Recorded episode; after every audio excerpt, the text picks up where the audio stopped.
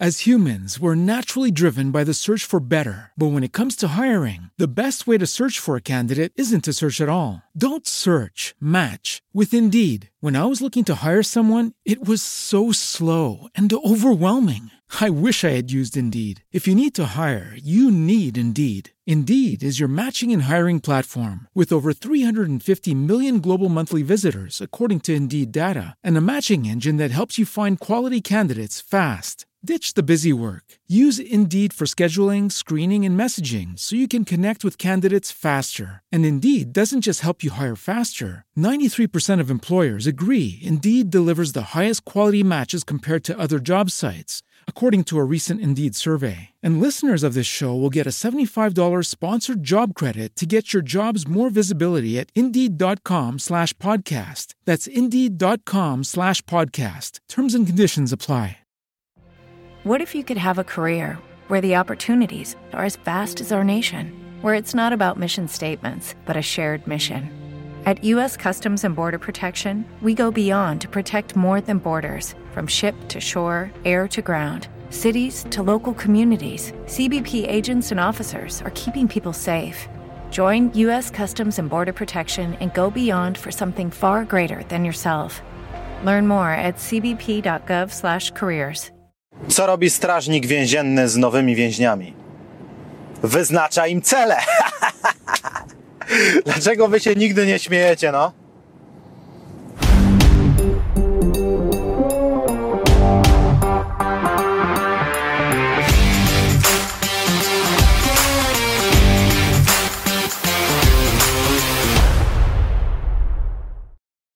Witam Was wszystkich serdecznie. Tutaj Maciek Wieczorek Gatonowy. Pierwszy w tym roku odcinek Biznesu 2.0, czyli tego programu, w którym zastanawiamy się, jak zarabiać więcej, wydawać mądrzej i po prostu lepiej żyć. No i co? Mieliśmy nie przeżyć, a przeżyliśmy. Przynajmniej 100% osób, które oglądają ten program, mogą się zgodzić z tym stwierdzeniem. Więc w sumie wychodzi na to, że przed nami rok pełen możliwości, pewnie pełen też różnego rodzaju wyzwań, jak to w życiu, no ale to tak już po prostu jest i wyzwania też trzeba brać na klatę. Każdy z nas pewnie chciałby, żeby te ostatnie półtora roku wyglądały może delikatnie inaczej, no ale nie na wszystko mamy wpływ, natomiast zawsze mamy wpływ na to, co będziemy robić z sytuacją zewnętrzną, jak na nią zareagujemy, jak się na nią przygotujemy i po prostu jak będziemy sobie radzić w życiu, bo ostatecznie obojętnie ile dziwnych rzeczy wymyślą politycy tego świata i różni inni ludzie, czy tam korporacje, zawsze większość Twojego życia jest efektem Twoich własnych działań. No a tak się składa, że działania są skuteczne dużo bardziej, jeżeli są zaplanowane, ponieważ w innym wypadku są przypadkowe i tak się miotamy, jak taka piłeczka wrzucona do rzeki. No i nie zmierzamy w konkretnym kierunku. Być może oczywiście jesteś himalajskim mnichem, który siedzi i nie potrzebuje myśleć o przyszłości wcale, ponieważ to, że tu i teraz odczuwasz na sobie wiatr, to już jest ostateczne szczęście.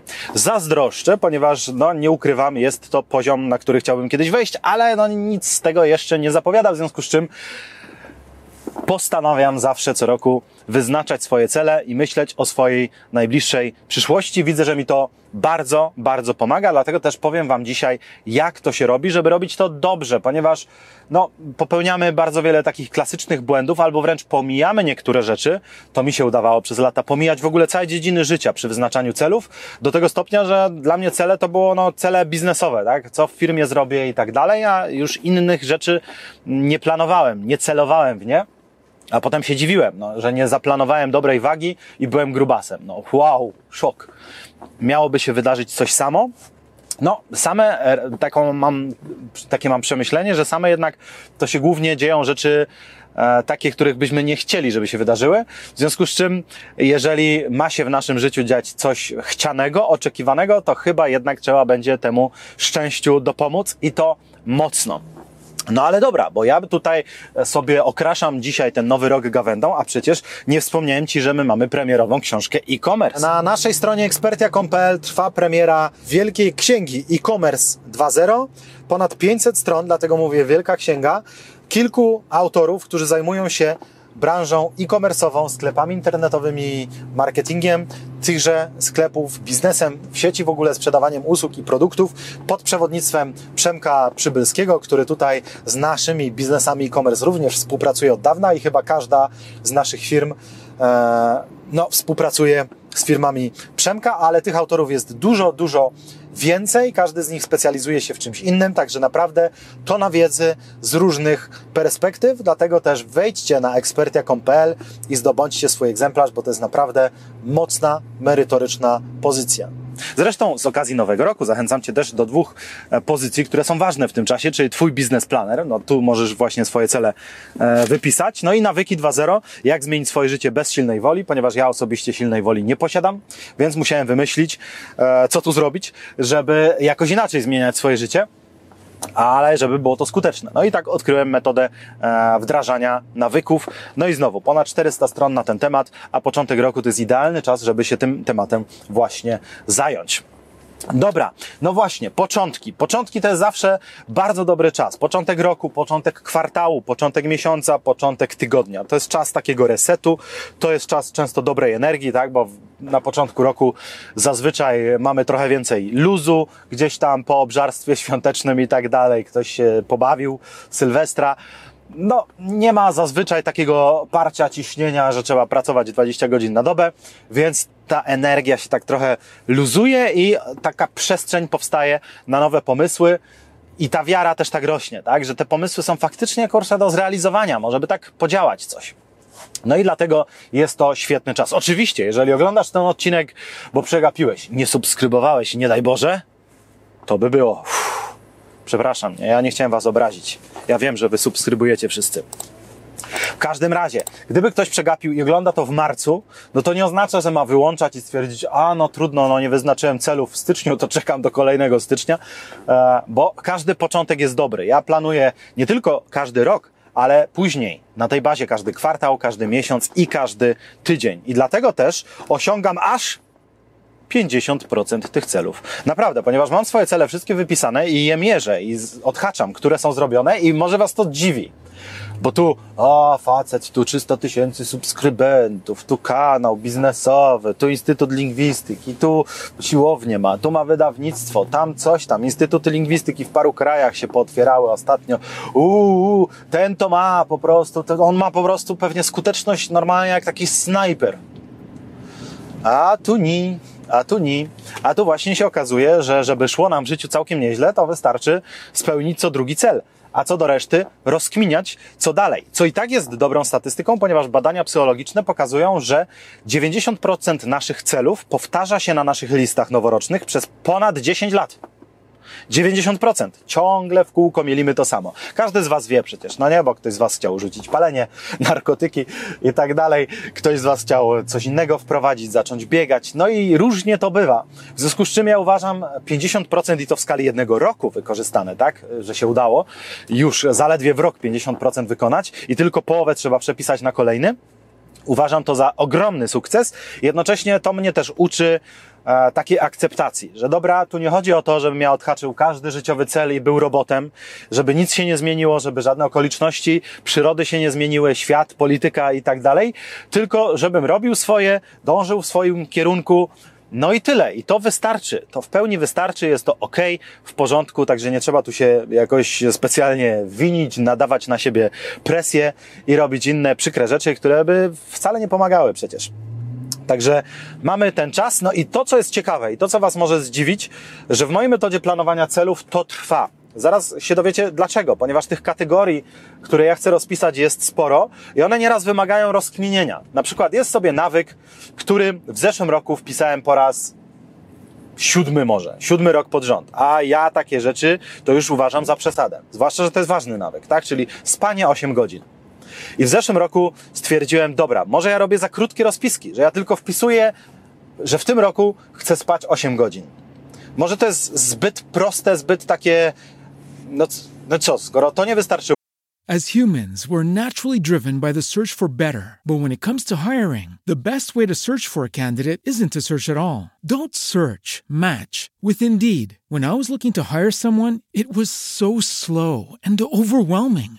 I wish I had used Indeed. If you need to hire, you need Indeed. Indeed is your matching and hiring platform with over 350 million global monthly visitors, according to Indeed data, and a matching engine that helps you find quality candidates fast. Ditch the busy work. Use Indeed for scheduling, screening, and messaging so you can connect with candidates faster. And Indeed doesn't just help you hire faster. 93% of employers agree Indeed delivers the highest quality matches compared to other job sites, according to a recent Indeed survey. And listeners of this show will get a $75 sponsored job credit to get your jobs more visibility at Indeed.com slash podcast. That's Indeed.com slash podcast. Terms and conditions apply.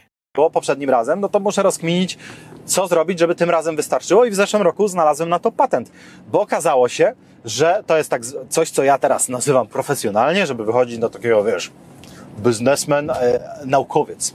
Więc ja to nazywam profesjonalnie nawykiem złożonym. Nawyk złożony, proszę ja Ciebie, polega na tym, że no nie jest to takie oczywiste jak pójść na siłownię trzy razy w tygodniu, tak? To jest prosta rzecz. Trzy razy w tygodniu, dobra, licznik stru. Tylko, no spanie 8 godzin niby to jest proste, bo wiadomo o co chodzi, ale tak naprawdę nie wiadomo o co chodzi, bo może się okazać, że odinstalowanie Netflixa z komórki i wyniesienie telewizora z sypialni, jeżeli masz, ja nie miałem, ale w moim wypadku, bo to w ogóle czy to nie jest chore, ty, tak między nami? Nikt nie ogląda, nikt nie słucha, między nami. Czy to nie jest chore, żeby mieć telewizor w sypialni w ogóle? Czy ty wiesz, co się robi w sypialni? Dwie rzeczy. I żadna z nich nie jest oglądaniem telewizji. Czy nie lepiej byłoby bardziej zainwestować w te dwie rzeczy i wynieść ten telewizor stamtąd? W moim wypadku takiego problemu nie było, ale był inny, ponieważ telefon spał ze mną, tak? Uważam również już z perspektywy lat doświadczeń i testów, że telefon w sypialni to jest równie niedorzeczna sprawa. Oczywiście, żeby się go stamtąd pozbyć, trzeba sobie kupić fizyczny budzik, no bo inaczej może być ciężko, co też poczyniłem. No i nagle się okazało, że wyprowadzka telefonu, no w moim wypadku potem mógł się sprowadzić e, ponownie, bo parę miesięcy później odkryłem, że w ogóle przez większość czasu mogę mieć telefon wyłączony i świat się nie zawala.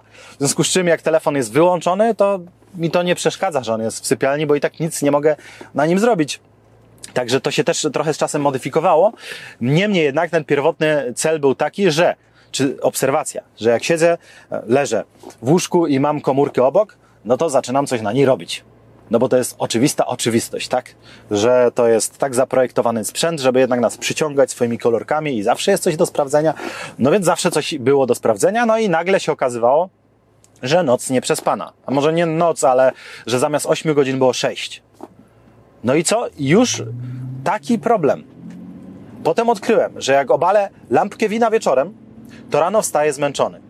Ale, że nie byłbym w stanie sobie wyobrazić życia bez tego wina, to stwierdziłem, to może ja tą lampkę wina muszę wcześniejszym wieczorem obalić. Zamiast o 22 obalę ją na przykład o 18 czy 19. I nagle się okazało, że faktycznie faktycznie mam rozwiązanie, mam kompromis. I kto by pomyślał, że przenoszenie lampki wina o 3 czy 4 godziny wstecz w grafiku wpływa na cel pod tytułem spać 8 godzin dziennie, żeby się wyspać. Taka nieoczywistość i dlatego właśnie moje planowanie zawsze trwa parę dni, ponieważ to tak naprawdę jest jedna wielka rozkmina, bo to nie chodzi o to, żeby sobie rozpisać, co ja bym tam chciał. No, ja sobie mogę wpisać, że ja bym chciał samolot. No i co? Przyleci? No, z Ryanaira to może przyleci, ale, ale jakbym tak chciał swój, albo ktoś e, tak naprawdę marzy o jakimś tam samochodzie, domu i tak dalej, no to sam możesz pisać. No i co? I niektórzy tak robią. Prawo przyciągania. No nie? Napisał, chcę mieć mój fantastyczny dom z basenem. Nawet napisał konkretnie, tak? Siedem pokoi, w tym dwie łazienki i tak dalej, basen, tu taka powierzchnia, działka. Wypisał, a potem zaczyna przyciągać. On siedzi i przyciąga. Katalogu wszechświata. Wyślij do mnie ten dom gdzie ten dom? Ej, ej, tam, z góry, co wy to? Miał być dom, a wy mi pandemię wysyłacie, omikrony, co to jest? Ej, Boże, jak ja cię tam znajdę i zaczyna się problem, tak? Ponieważ nie rozkminił ten człowiek, co dalej? Konkrety, tak? Czyli jak to zrobić? No jeżeli, zwłaszcza jeżeli będziesz wpisywać tam te rzeczy, które powtarzają się, tak? Czyli wpisywałeś je rok temu, dwa lata temu, to tym bardziej one wymagają grubej rozkminy. Ja tak naprawdę około 5 grudnia zacząłem robić swoją rozpiskę na kolejny rok teraz. 2022, tak? To się zaczęło 5 grudnia 2021, bo tam było mnóstwo do analizy. Oczywiście nie tak, że codziennie siedziałem po 8 godzin, tylko że po prostu co któryś wieczór siadałem z moim takim notatnikiem, nie wiem czy go tu znajdę. Ach, nie znajdę, szkoda waszego czasu. W każdym razie mam taki notatnik zawsze i tam sobie piszę. Nie robię tego na komputerze, bo jakoś tak lepiej mi planować swoje życie na papierze. I tam właśnie sobie wypisuję te cele. E, no i właśnie, rozkminiam, jak coś nie działało, to nie można tego tak zostawić, że może tym razem zadziała, bo jak to powiedzieli coachowie czy coache, jeżeli to, co robisz, przynosi cały czas ten sam rezultat, a nie wiem, coś tam powiedzieli. W każdym razie chodzi o to, że trzeba zrobić inaczej, żeby zadziałało inaczej. No, to jak to zrobić? Dlatego właśnie kilka dni sobie możesz zarezerwować, może nie całych dni, tak jak mówię, to jest przenośnia, ale chodzi mi o to, że no, ciężko to zrobić tak na strzał, usiąść, wypisać, pół godzinki mieć gotowe. Raczej to jednak jest tak, że parę wieczorów sobie siądziesz po pół godziny, godzinę, zawsze coś dopiszesz, coś rozkminisz, rzucisz swojemu mózgowi jakiś problem, tak? E, jak to zrobić, żeby mieć tym razem czas, albo energię, albo motywację do tego i tego, bo do tej pory nie działało. No i to się tam mieli, mieli, mieli, za trzy dni wrócisz do tematu, dopiszesz. Także to na pewno jest e, ważna rzecz. No i to, że cele to są tak naprawdę kierunkowskazy. Ja nie mam absolutnego podejścia do celów. Absolutnego na zasadzie, że no musi być dokładnie tak, jak sobie tutaj wymyśliłem. Ponieważ to ma być kierunek. Kierunkowskaz ostatecznie, wzór na szczęśliwe życie jest wyłącznie tu i teraz. No, jak tu i teraz byś się nie skupił na tym, co mamy, mimo że no, czasy niełatwe i tak dalej, to inflację, to pandemię, to coś tam, ale, no, ale jednak mamy tak dużo e, i jak nie umiemy się na tym skupić, na tym, co się dzieje tu i teraz, czyli jak ja bym myślał, super, chcę odhaczyć ten odcinek, to bym był zestresowany bardziej, to bym był, e, nie wiem, wkurzony, nieszczęśliwy i tak dalej, jak się skupiam na tu i teraz, że e, no bawię się tym odcinkiem, zrobię Wam stand-up i jednocześnie podzielę się taką wiedzą, jaką mam. No, więcej nie mam, także dam wszystko z siebie. No i tyle. I trzeba się z tym pogodzić, że jest to tylko tyle, ile jest. Ale myślę, że jednak wystarczy no to się dobrze bawię, wychodzi to lepiej, ale też, no właśnie, e, nie tylko efekt dla Was jest lepszy, ale też efekt dla mnie jest lepszy tu i teraz, tak? Bo, się, bo miło spędzam czas.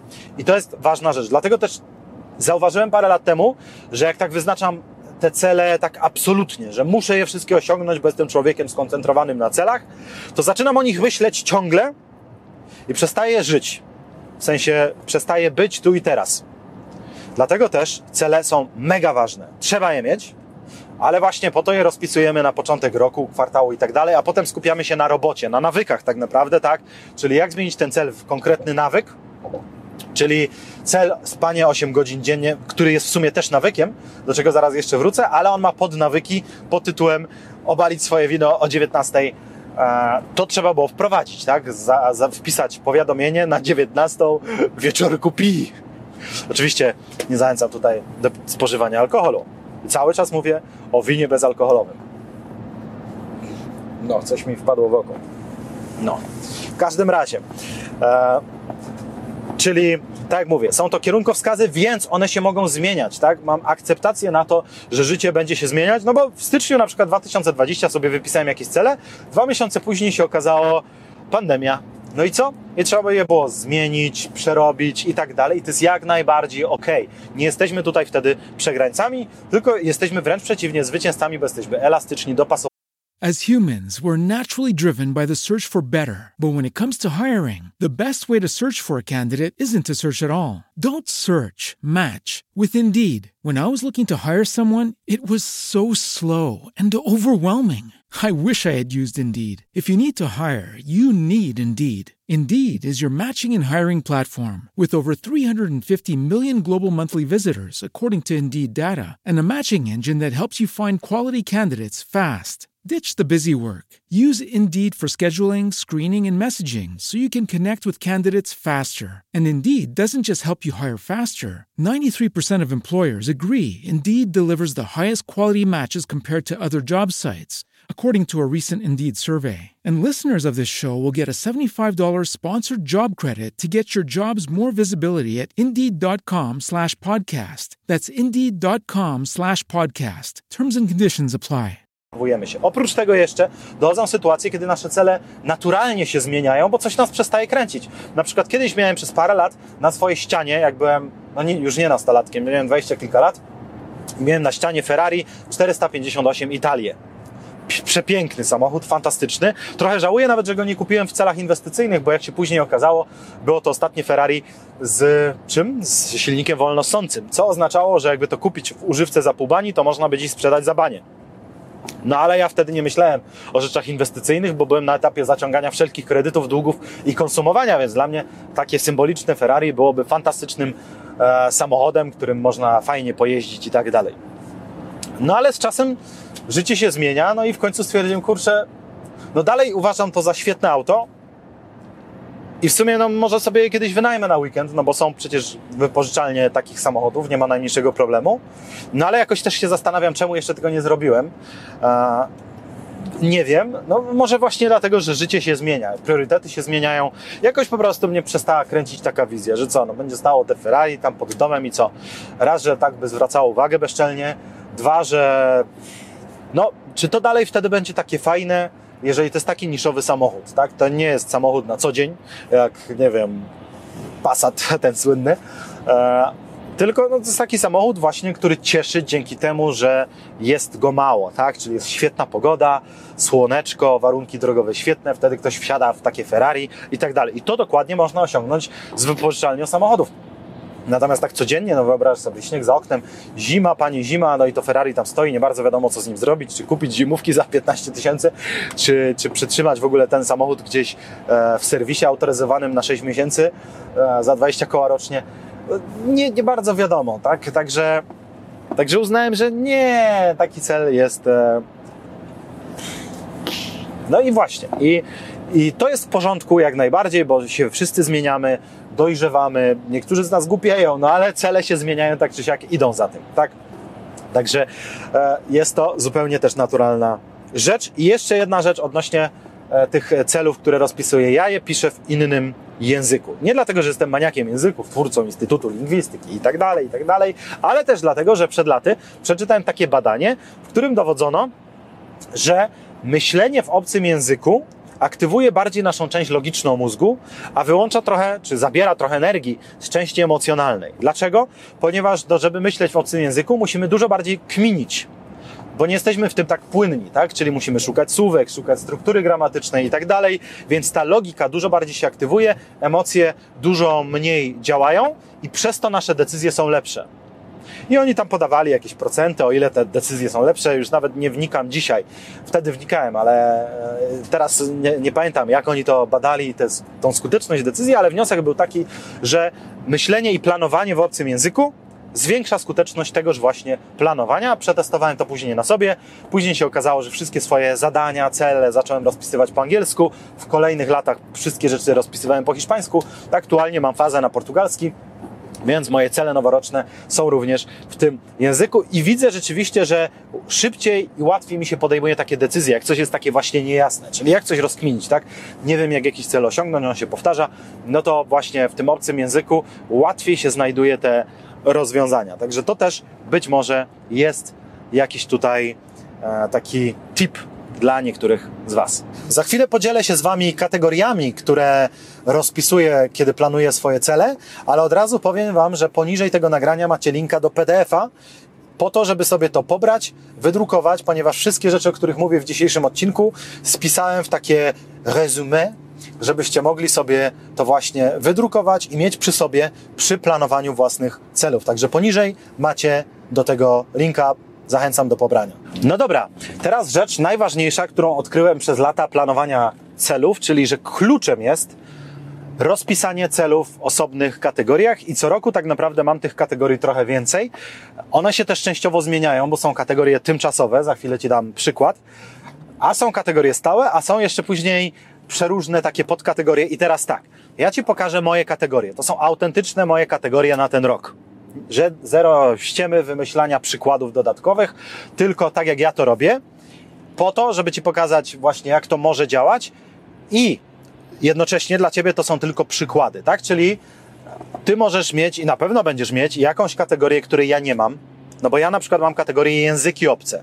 Dla niektórych z Was ta kategoria w ogóle nie istnieje, bo ktoś z Was nie chce się uczyć języków, e, niepotrzebne mu to jest, albo uważa, że mu to jest niepotrzebne, no i spoko. A ja taką kategorię mam, dla mnie to jest bardzo ważna dziedzina życia, na tyle, że no nie mam jakiejś większej kategorii umiejętności, w której dałbym język, jakiś tam, tylko dla mnie te języki są tak istotne, że mam na to osobną kategorię, bo uczę się ich sporo, więc muszę sobie rozpisać więcej rzeczy. A dla kogoś z Was taką kategorią kluczem może być branża hydrauliczna, postępy w branży hydraulicznej. No ja takiej kategorii nie mam, a ktoś z Was powie, to jest właśnie to, co sobie muszę rozpisać, więc to jest bardzo ważne. Ja mam kategorię dzieci, no bo mam dzieci. Ktoś z Was nie ma dzieci, no to może też mieć kategorię dzieci, w której napiszesz jeden cel, zrobić dzieci w tym roku. E, także e, i, i 500 plus będzie, także to ekonomicznie się opłaca. W każdym razie, e, już tak na serio, to te kategorie są mega ważne, dlatego nawet nad nimi trzeba chwilę się pochylić. Dlatego ja Ci dam teraz to, jakie ja mam kategorie, łącznie z przykładami nawyków, które tam mam. A Ty sobie już na tej podstawie myślę, że spokojnie jesteś w stanie rozplanować swoje kategorie i dopiero do tych kategorii dopisujemy cele, które chcemy w tym roku osiągnąć. Więc jak wspomniałem przed chwilą, moją pierwszą kategorią są języki. Tam wpisuję, jakie języki w tym roku chcę poznać, ale oczywiście do tego jeszcze wrócę, ale to musi być konkret, tak? No bo poznać język to jest taki, to tak naprawdę uczciwie rzecz biorąc, jak mam problem zawsze, jak tam ktoś pyta, Maćku, stworzyłeś Instytut Lingwistyki, mówisz, że jesteś maniakiem języków, to ile ty języków znasz? Ja wtedy mam autentyczny problem, bo ja nawet nie wiem, czy ja znam polski. Ale, ale naprawdę mam wątpliwości, czy ja znam polski. Ostatnio dowiedziałem się, że nie można powiedzieć mi się to podoba. Trzeba powiedzieć mnie się to podoba mnie się to podoba, ale już to mi się podoba. I w wieku 37 lat odkryłem takie coś, co jest dla mnie szokujące. Szok. Więc czy ja znam język polski? No, w tym roku się jeszcze dowiem tylu rzeczy z języka polskiego, że zostanę upokorzony przez to wręcz, można powiedzieć. Także ciężko stwierdzić, czy ja znam język polski, dlatego ja nie mogę mieć takiego celu pod tytułem znać jakiś tam język, bo to nie wiadomo, co to znaczy. Tu muszę mieć konkrety. U mnie jest już trochę łatwiej z tym, dlatego że ja mogę sobie dać cel znać język na takim poziomie, żeby nagrać w nim program Biznes 2.0. To jest takie zero-jedynkowe, tak? Siądę z kamerą w grudniu, włączę i zacznę mówić albo nie. Oczywiście to i tak potem trzeba rozpisać ten cel na poszczególne zadania, nawyki i tak dalej, ale ogólnie to jest konkret, weryfikowalny konkret. Nie jest to znać język, tylko już wiadomo na jakim poziomie, co trzeba zrobić, tak? Czyli siąść, włączyć kamerę, gadać o na przykład o wyznaczaniu celów przez godzinę. Czy umiem w tym języku, czy nie umiem? Jak nie umiem, znaczy cel nieosiągnięty, jak umiem, cel osiągnięty. To jest bardzo konkretny przykład i bardzo konkretny weryfikator. Więc As humans, we're naturally driven by the search for better. But when it comes to hiring, the best way to search for a candidate isn't to search at all. Don't search, match with Indeed. When I was looking to hire someone, it was so slow and overwhelming. I wish I had used Indeed. If you need to hire, you need Indeed. Indeed is your matching and hiring platform with over 350 million global monthly visitors, according to Indeed data, and a matching engine that helps you find quality candidates fast. Ditch the busy work. Use Indeed for scheduling, screening, and messaging so you can connect with candidates faster. And Indeed doesn't just help you hire faster. 93% of employers agree Indeed delivers the highest quality matches compared to other job sites according to a recent Indeed survey. And listeners of this show will get a $75 sponsored job credit to get your jobs more visibility at Indeed.com slash podcast. That's Indeed.com slash podcast. Terms and conditions apply. mnie kategoria pierwsza to są języki, druga kategoria to jest żona. Ponieważ kiedyś miałem kategorię, znaczy kiedyś w ogóle nie miałem takich kategorii prywatnych, potem stwierdziłem, to, to też trzeba planować. I no wszyscy mówimy, tak, zdrowie, rodzina są dla nas ważniejsze niż na przykład pieniądze, ale jest oczywiste, że planujemy świat pieniędzy, a mniej oczywiste, że planujemy e, świat rodziny czy świat zdrowia. W związku z czym to trzeba też planować. Więc zacząłem planować rodzinę, którą jednak później, że tak powiem, rozbiłem, rozbita rodzina, że tak powiem, rozbiłem na podkategorie. No i właśnie pod kategorią jest żona. Przepraszam cię, żono, że jesteś pod kategorią. Dlaczego nie główną kategorią? Dobra, już, ja się tu pogrążam. W każdym razie, czyli kategoria żona i tam na przykład mam taki cel typu weekend bez dzieci raz na dwa miesiące. konkret, mierzalny, sprawdzalny i tak dalej. Niełatwy do zorganizowania w moich okolicznościach, ale i za poprzedni rok e, no, z, z połowicznym szczęściem bym wręcz powiedział, a może nawet w, jedna, e, jedna, w jednej trzeciej to wyszło, ale e, no znowu, siadam, rozkminiam, co zrobić, żeby, żeby tym razem było tego, ta skuteczność była większa, no i gra. I to jest przykład takiego właśnie celu w tej kategorii. Czyli jak masz męża, żonę, dziewczynę, chłopaka, to możesz sobie rozpisać właśnie tutaj tę osobę czy czas z nią jako kategorię i rozplanować rozplanować tam różne rzeczy, co będziecie robić, ile wyjazdów na przykład, ile jakichś innych rzeczy, ponieważ to jest bardzo ważne, zwłaszcza kiedy rzeczy przestają dziać się automatycznie. Na przykład, jak robisz nowy projekt, to jesteś napalony i nawet, y, czyli taki startup, nie? Czy, przepraszam, startup. Robisz taki startup, no to jesteś napalony, masz motywację, więc nawet jakbyś tam nie miał żadnych celów wyznaczonych, to jakoś to będzie szło na tej energii. Ale po roku, dwóch już trochę mniej. Wtedy już trzeba jednak wdrażać e, konkrety, czyli albo to zorganizować, albo to będzie niezorganizowane i po prostu przestanie działać. Tak samo jest właśnie choćby ze związkami. Tak? Na początku wiadomo, się poznali, motyle i tak dalej, no to to idzie jakoś. To idzie, jest ta motywacja, ale później, później e, wiadomo, no motyle zimują, e, więc trzeba też do tego podejść bardziej planując to. Niektórzy by zarzucili, no jak to, planujesz, co będziesz robić w związku, to takie, to takie niekierowane sercem, to takie logiczne, takie płytkie. No ale patrzę na te związki, którym nie idzie najlepiej, rozstają się, a jest ich coraz więcej. No i właśnie tam wygląda na to, bardzo często oni mówią, no właśnie my się wypaliliśmy, my nie spędzamy ze sobą czasu. A ja pytam, no a zaplanowaliście ze sobą czas, żeby go spędzać? No jakoś nie pomyśleliśmy. No właśnie, a życie jest mega szybkie, jest milion tematów, do tego milion spraw na głowie i, i stresów również. No i można się w tym zagubić. I wcale nie jest to wyjątek, tylko raczej reguła. W związku z czym, jak nie zaplanujesz, to nie będzie. Jak nie zaplanujesz tego, że wieczorem, na przykład złota zasada Bartka Nosiatka, z którym wywiad jest na tym kanale, czyli, że jak, że jest codziennie złota godzina.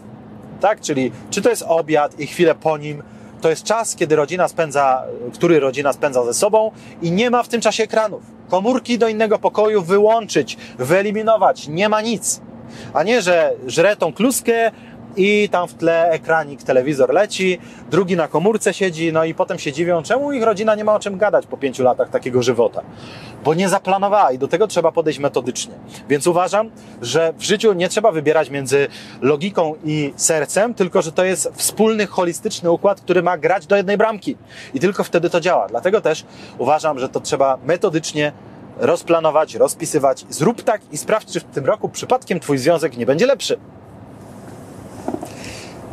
Co nas prowadzi do trzeciej kategorii, czyli dzieci. Kategoria dzieci. U mnie wpisałem sobie taki cel, żeby raz w tygodniu robić dzieciom lekcje finansowe. Czyli dzieci, chodźcie, teraz będziecie mnie słuchać. No i trudno. E, no i siadamy, i co się dzieje? No i ja wymyślam jakiś temat, wcześniej przygotowuję. Nie będę tego oczywiście nazywać lekcjami, e, bo to słowo to się różnie może kojarzyć. No ale uczy, uczymy się po prostu inteligencji finansowej. Na każdą okoliczność przygotuję jakiś temat. Czyli dzisiaj dzieci pogadamy o tym, czemu jest coraz drożej. No nie będę tam może stosować jakichś haseł, chociaż myślę, że z większym dzieckiem można już mówić o inflacji i tak dalej, skąd się bierze pieniądz, ale ogólnie chcę uczyć dzieci kapitalizmu, żeby nie były potem jak te ofiary na amerykańskich uniwersytetach, którzy promują komunizm, gadają takie pierdoły, że widać, że życia to to nie zaznało wcale, i w dodatku, jak takie coś się dorwie do władzy, no to będzie trzecia wojna światowa chyba.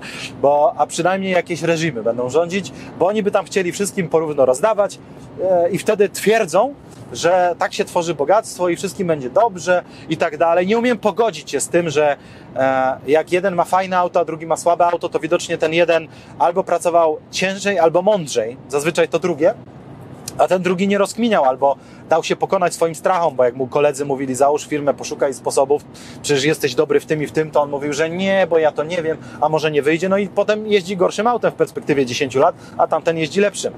To rozumie kapitalista, e, że tak działa świat, a no właśnie, a oni tam e, nie kumają, bo są teoretykami. Im więcej teorii, czyli im mniej trudu w życiu, a jakby nie było, tak jest tak? No bo kiedyś trzeba było zadbać o wszystko, tak? O wodę, o pożywienie, o, o wszystko, o ciepło, a teraz w sumie wszystko jest tak, na tak zwanym default, tak? Z automatu to jest i już tylko są cele typu BMK. No. Spoko, ale no nie każdego to kręci i potem w dodatku się okazuje, że to życie w komforcie, czy dorastanie w komforcie nie zawsze jest takie dobre w efektach, tak? Czyli rzeczywiście potem człowiek nie kuma, skąd to się wszystko wzięło. Że tak naprawdę e, to, że dzisiaj jest wolność, jeszcze jest, to wynika z tego, że ileś osób jakiś czas temu powiedziało stop. Dlaczego na przykład? Dlaczego nas nie ma na mapie? Albo dlaczego wy nam zabieracie kraj? I tak dalej. 80 lat temu, tak? Iluś ludzi powiedziało stop i dlatego my dzisiaj możemy sobie wjechać na autostradę i se patrzeć. Tego niektórzy dzisiaj w Polsce też nie rozumieją. Myślą sobie, a jak zrobią jakiś certyfikat, to, to on tylko dotyczy zdrowia i tylko zaszczepienia. To nie jest to znowu takie, e, nie jest to aż taki dyskomfort, że trzeba będzie do, żabce, do żabki wchodzić z kodem QR.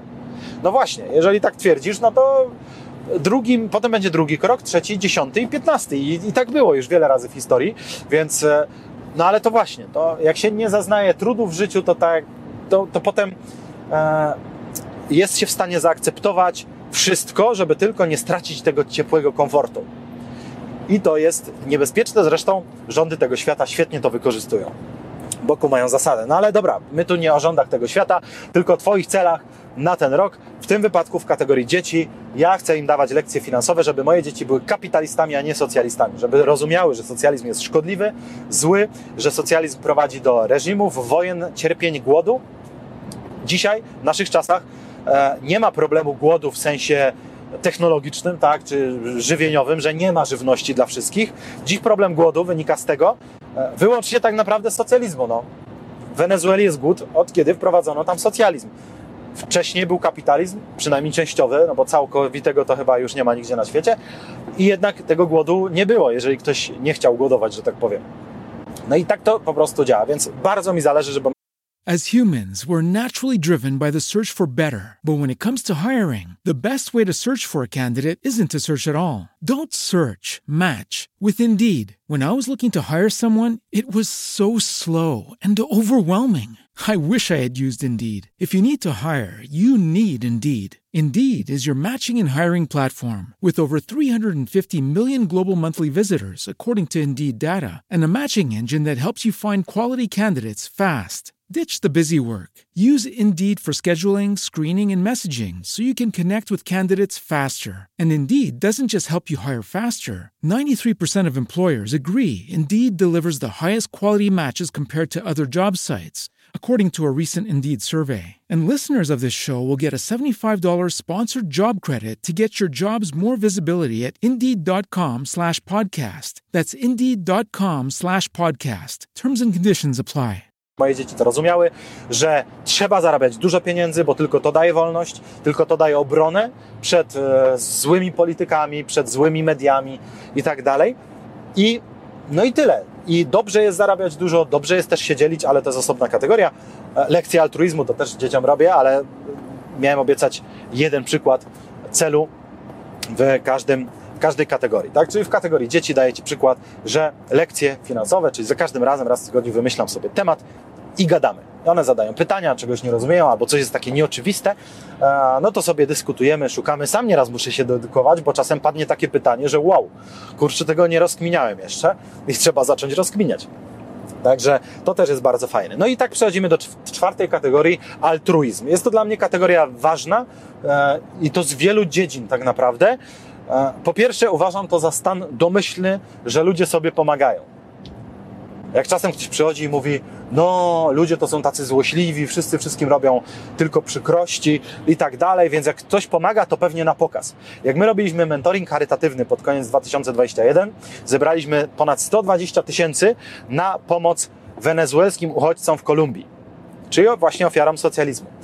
Jest fundacja, jest wiele takich fundacji, ale z jedną współpracujemy w Kolumbii, która przyjmuje ich, robi im szkołę, przygotowuje dla nich farmę, no i tam tak naprawdę środki finansowe potrzebne są nieograniczone. Więc zebra, zrobiliśmy taki mentoring charytatywny, zebraliśmy e, trochę pieniędzy, no i, i, pomagamy. I wiecie co? I z, jakieś tam 10-15% ludzi w komentarzach pisało, a to na pewno ta fundacja nie istnieje, pewnie te pieniądze wzięliście dla siebie, albo niektórzy pisali, że to jest jakaś zaawansowana optymalizacja podatkowa. No, to tylko ja powiem, bo trochę kontaktów z Wenezuelą mam od, od paru już lat, jak tam właśnie działamy. Czasem próbujemy coś działać, bo to też nie jest takie proste że nie, to nie jest dobry kraj na optymalizację podatkową, zdecydowanie. E, Polska jest podatkowo rajem podatkowym w porównaniu do, do Wenezueli tak naprawdę. Także nie, więc niektórzy tego nie rozumieją. Jak można pomagać w ogóle? Uf, a ja nie rozumiem, jak nie można. W sensie, jak masz, to czemu nie dajesz? Oczywiście nikt ci nie będzie liczyć, ile ty tam procentowo masz dawać, ale to, to jest mega dziwne. Mega dziwne, że ktoś tego nie docenia, tak? Mam żarcie codziennie, od wielu lat. Mam na przykład czynsz zapłacony, czy nawet własne mieszkanie, czy dom. Od wielu lat. Mam ciepełko każdej zimy, od wielu lat. I jeszcze jakieś zdrowie, względne, bo względne, no ale jednak przeżywam te grypy, potem omikrony i tak dalej, no i żyję. Mam na przykład rodzinę i dalej nie umie docenić. To czego ty potrzebujesz, żeby zacząć rozumieć, jakie to jest ważne? Wojny światowej czy choroby poważnej? Oczywiście, takie rzeczy pewnie byłyby skuteczne i niektórzy z nas pewnie ich potrzebują, dopiero żeby skumać. Ale czy nie lepiej skumać bez potrzeby przechodzenia takich trudnych doznań? Zauważyć, że pomyśleć sobie o tych chłopach średniowiecznych. Co oni mieli za życie? Albo o tych Polakach, naszych braciach, czy bardziej dziadkach z 39. Co to było za życie? A ty masz wszystko. Wszystko masz i nawet nadwyżkę czasem, no to tą nadwyżką można się podzielić. Oczywiście ja od lat, co roku planuję swój altruizm, swoje działania na rzecz innych ludzi i co roku uważam, że jest to trudniejszy temat, bo im więcej wiem, tym jest to bardziej skomplikowane. Tak? Ponieważ no, wrzucam, na przykład przez lata wrzucałem te ciuchy do tych kontenerów. No ale potem wychodzi jakieś śledztwo dziennikarskie i się okazuje, że oni te ciuchy sprzedają w second handach, a wcale nie dają potrzebującym. No i już jest, a boli. No i potem szukasz innej rzeczy. Ostatnio wziąłem udział w takiej akcji charytatywnej, polegającej na tym, że w Pakistanie e, ludzie jak mają jakąś chorobę ciężką i nie mają pieniędzy na leczenie, bo tam nie ma opieki zdrowotnej państwowej, muszą wziąć pożyczkę, e, no od machlojkarzy, że tak powiem, biorą pożyczkę, no i potem w zamian, jak już tam wyzdrowieją, dojdą do siebie i tak dalej, jeśli, e, no to się okazuje, że ta pożyczka jest niespłacalna, no bo oni pożyczyli na przykład 5000 dolarów na jakąś operację, i teraz mają pracę za 5 dolarów u właściciela fabryki. I praktyka pokazuje, że tak naprawdę ten facet, który pożyczył te pieniądze, wraz ze swoją żoną i dwójką dzieci, muszą pracować w tej fabryce cegieł. Wszyscy zarabiają po 5 dolców, czyli razem 20 dolarów miesięcznie, a wiszą 5000 dolarów plus odsetki, więc w praktyce stają się niewolnikami właściciela fabryki. I okazuje się, że zaledwie za parę tysięcy złotych można wykupić jedną taką rodzinę. No i co? I oni wtedy są po prostu wolni, bo spłacają swój dług, mogą znowu normalnie, znaczy normalnie, na ile można normalnie żyć, będąc, biedując w Pakistanie, no ale przynajmniej nie są już niewolnikami. Niektórzy nawet wyjeżdżają wtedy z kraju i tak dalej, więc e, są fundacje, które pomagają takim rodzinom i to jest fantastyczne. No ale znowu, planując tego typu pomoc, mam lampkę w głowie pod tytułem, dobra, ale przecież jak wykupię tę rodzinę, to będzie wolne miejsce w fabryce, więc oni zaraz będą szukać kolejnej. Czyli to jest problem nierozwiązywalny w ten sposób. Czyli możemy wykupić tysiąc rodzin, i dla nich to nawet napędza trochę, tak? A, bo oni tu będą wykupywać te długi, więc tym bardziej spoko.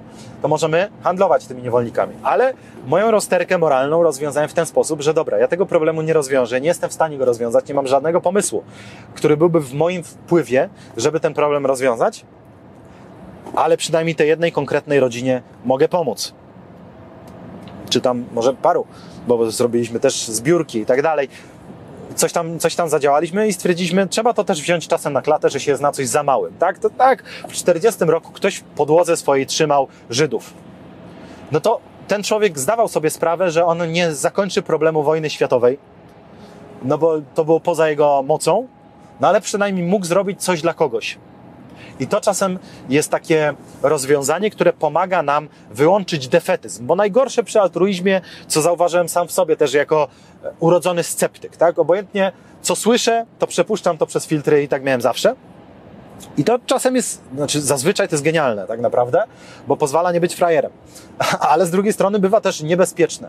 E, I w temacie altruizmu dla mnie to było niebezpieczne, tak? Bo zaczynałem siać taki defetyzm, że dobra, no to w sumie po co dawać na fundację, jak ona pewnie weźmie te pieniądze dla siebie? A po co e, dawać tym, jak oni to i tamto i tak dalej, a to nie rozwiąże problemu. No i w sumie wychodziłoby na to, że można nie pomagać nikomu, bo to niby nic nie zmienia. A jednak, a jednak przypomnij sobie, jeżeli jesteś tak stary jak ja, to przypominasz sobie tę pomarańczę z goździkami, którą wysłał ci wujek, ciocia z Holandii lub Niemiec 25 lat temu, którzy wcale nie byli twoim wujkiem i ciocią i w zasadzie nie wiadomo, czemu oni ci to wysyłali, bo tak naprawdę powinniście mieć gdzieś. A jednak wysłali. Wysłali do tego prezencik. Taki, o którym można było w Polsce wtedy marzyć. Jak to jest możliwe? No, właśnie tak, że ludzie z natury są dobrzy. Jeszcze jak do tego zaczynają doceniać to, że mają tak wiele, rozumieć, bo można tego nie zauważyć, jakkolwiek dziwnie to brzmi, ale to przez to, że w psychologii jest mechanizm habituacji, czyli tworzenia nawyku, można powiedzieć, habit, tak? E, czyli przyzwyczajania się. Do wszystkiego można się przyzwyczaić. Do najlepszych rzeczy świata, do najgorszych również, co z drugiej strony jest pocieszające. E, niemniej jednak raczej większość z nas przeżywa życie, o, jakich nasi przodkowie, o jakim nasi przodkowie marzyć nie mogli, Dlatego przypomnienie, lampka zawsze na początek roku jest idealny na to moment, żeby się dzielić. Ja w altruizmie swoim wpisuję na przykład, ile pieniędzy osobiście chcę przekazać w tym roku na cele charytatywne, to jest mój jeden cel, a drugi, ile chcę zebrać, bo zdaję sobie sprawę z tego, że zebrać jestem w stanie As humans, we're naturally driven by the search for better. But when it comes to hiring, the best way to search for a candidate isn't to search at all. Don't search, match with Indeed. When I was looking to hire someone, it was so slow and overwhelming. I wish I had used Indeed. If you need to hire, you need Indeed. Indeed is your matching and hiring platform with over 350 million global monthly visitors, according to Indeed data, and a matching engine that helps you find quality candidates fast. Ditch the busy work. Use Indeed for scheduling, screening, and messaging so you can connect with candidates faster. And Indeed doesn't just help you hire faster. 93% of employers agree Indeed delivers the highest quality matches compared to other job sites, according to a recent Indeed survey. And listeners of this show will get a $75 sponsored job credit to get your jobs more visibility at Indeed.com slash podcast. That's Indeed.com slash podcast. Terms and conditions apply. Wielokrotnie więcej, tak? No bo jak zorganizuję mentoring charytatywny, no to ja mogę ze swojej strony oczywiście dać jakiś hajs, ale też przyjdzie więcej osób, zapłacą i wysyłamy ten hajs do Kolumbii e, na pomoc Wenezuelczykom i skala jest dużo, dużo większa, więc wypisuję sobie ile chcę wpłacić sam, ile chcę zebrać e, i jednocześnie myślę o tym też biznesowo w kontekście efektywności. Czyli czasem zdaję sobie sprawę, że zamiast wpłacić na jakąś fundację, na przykład pomysł, żeby wpłacić 3000 na fundację, tak? To jak ja jestem przedsiębiorcą, to myślę sobie, a gdyby zainwestować te 3000 w kampanię AdWordsów, która wypromuje tę zbiórkę, to czy przypadkiem ta zbiórka dzięki temu nie nazbiera 30 tysięcy? Tak bardzo często myślę i rzeczywiście uskuteczniam tego typu rzeczy. Dlatego na przykład, jak zamiast samemu zrobić pierwszą wpłatę e, pod koniec zeszłego roku na, na tą naszą fundację w Kolumbii, to zainwestowałem te pieniądze w wynajem salek e, konferencyjnych, dodatkowych różnych cateringów i tak dalej, czyli poszło no, dużo więcej niż 3000, poszło kilkanaście tysięcy. Wrzuciliśmy ze wspólnikiem, żeby zorganizować właśnie mentoring, który przyniósł ponad 120 tysięcy. Więc tak o tym sobie myślę. Nie wszyscy z Was mają aż takie myślenie, że im się chce aż tak kminić wszystko jest w porządku, tak? Zarówno taka pośrednia pomoc, że wysyłasz kasę już, jak i taka bezpośrednia, że coś robisz, działasz, może się udzielasz wolontarystycznie, w wolontariacie. No, ty tylko wiesz. Natomiast uważam, że bardzo warto mieć tę kategorię, również z przyczyn egoistycznych. I nie mówię tu o takich rzeczach, że wizerunek, a bo tu się potem pochwalisz, jak ty pomagasz, wo, wo, wo. E, wiadomo, że niektóre fundacje tylko po to istnieją, żeby ich mocodawcy, jakaś telewizja na przykład mogła się chwalić, że my mamy fundację i, i tak dalej, ale ostatecznie, nawet jeśli tylko po to to założyli, a efekt i tak jest taki, że komuś pomagają, no to dalej spoko, nie? Natomiast ja mówię o celu egoistycznym w postaci tego, że badań na ten temat jest multum. To znajdziesz w Google na strzał w 3 minuty które dowodzą, że działania altruistyczne, pomaganie innym ludziom bardzo drastycznie i bezdyskusyjnie najszybciej i najskuteczniej wzmacniają nasz własny dobrostan. Jeżeli na przykład pod wpływem czy to pandemii, czy inflacji, czy bez powodu, może albo z powodów prywatnych, ostatni rok dał ci po prostu w kość, to pamiętaj, że rozwiązaniem najprawdopodobniej, tym długotrwałym, nie będzie zarobić milion, nie będzie wygrać e, w totolotka i tak dalej, tylko łatwiejszymi rozwiązaniami i bardziej dostępnymi będzie zrobić coś dla kogoś. I zobaczysz, że to działa zawsze. Zawsze to działa. Po prostu e, ja wczoraj dołożyłem też na jakąś fundację, jakąś tam kwotę, która brakowała akurat do zakończenia zbiórki. kliknąłem, zobaczyłem 100%, na się pomaga i wyskoczyło, że o, Jupi, 100% wspartego przez Ciebie celu i tak dalej. E, no i spoko. I to jest fajne, od razu mi to też dało radość. To nie tylko pomaga komuś, ale mi to też pomaga, tak? Bo wstaję rano z lepszym nastrojem, cieszę się, mam lepszą energię i to jest jak najbardziej w porządku, więc to jest to nie jest, nawet nie wiem, czy powinno się używać pojęcia altruizm, bo altruizm to chyba w definicji ma działanie wyłącznie na rzecz innych ludzi, bez zważania na własne e, dobro, a altruizm w zasadzie w tej formie nie istnieje, bo zawsze jest to też nasze dobro. Tak to działa, no, tak, tak to działa. Nie da się komuś pomóc i później mieć kaca moralnego. No chyba, że pomożesz mu kupując mu wódkę, ale, ale tak ogólnie to raczej, raczej ciężko, nie? Więc e, to jest uważam ciekawa kategoria. Dobra, idę dalej. Kategoria piąta, w moim wypadku to jest kategoria biznesy zagraniczne. Znowu, to daję jako przykład, bo dla niektórych z Was oczywiście taka kategoria nie istnieje. Natomiast dla mnie jest bardzo istotna, no i tam mam rozpisane, co w tym roku chcę osiągnąć, czyli żeby pod koniec roku e, Instytut Lingwistyki był aktywny w 10 krajach. Trochę jeszcze roboty do tego, no ale, ale działamy też aktywnie. Także E, także rozwijamy się, ekipa ma już kilkadziesiąt osób, także jest, jest komu to robić.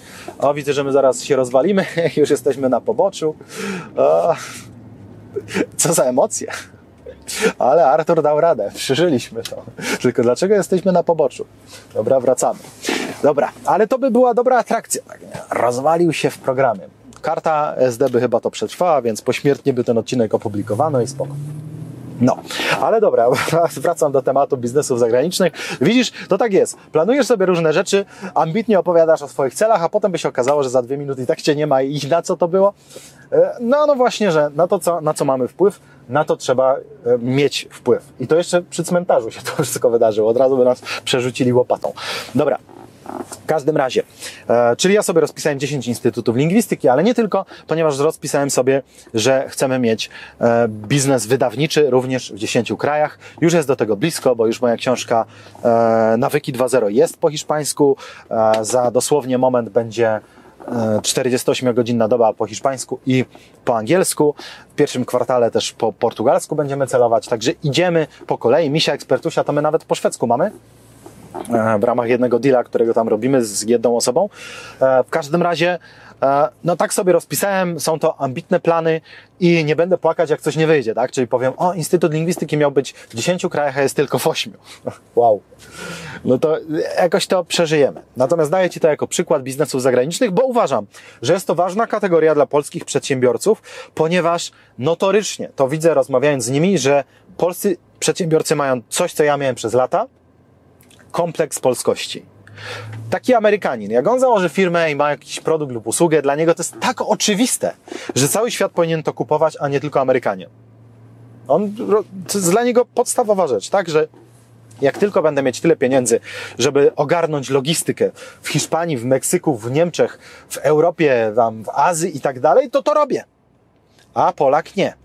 Bo Polak ma jakieś problemy mentalne, tak? Czyli, no ale my tu robimy polski produkt, polsko. No wiadomo, jak to jest usługa, tak? Polska usługa, e, która jest w dodatku fizyczna, no to, to ciężko ją będzie sprzedawać w Azji, e, bo jesteś tu. Ale wielu z Was, przedsiębiorców, ma takie możliwości, ma jakiś produkt, coś, coś tworzy, albo nawet ma usługę, która jest skalowalna, bo można by w Niemczech też stworzyć swój zespół, który tam będzie to ogarniać za cztery razy większe pieniądze na przykład, albo dwa razy większe dałoby się. Natomiast polscy przedsiębiorcy właśnie, tak jak mówię, często mają tę obawę, że zagranica to nie, a co jak oni się dowiedzą, że coś jest z Polski i tak dalej. No kurczę. Pamiętam jak parę lat temu międzynarodowa firma FM Group, polska firma z branży kosmetycznej, wrzuciła e, na 11 e, listopada 6-7 lat temu to było międzynarodowa, w sensie to był post, który oglądali ludzie współpracujący z tą firmą w ponad 50 krajach. I to, to, to była nieznaczna rzecz, zwykła kampania w social mediach tak naprawdę, ale mi to zmieniło bardzo dużo, bo to wtedy zobaczyłem. E, do dziś jestem ich klientem zresztą.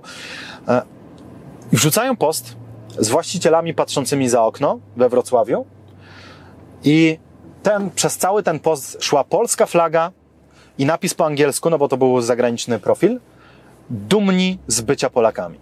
Ja wtedy mówię, kurczę, A ja wtedy byłem na etapie takich mega polskich kompleksów. Tak sobie myślałem, że fajnie by było też mieć biznes kiedy zagraniczny, ale, e, ale zresztą już nawet stawiałem pierwsze kroki, ale cały czas z tymi obawami, że no, a co, żeby nie powiedzieć, że, że to my z Polski i tak dalej, e, może przyrznąć gupa, że jesteśmy Amerykanami albo coś.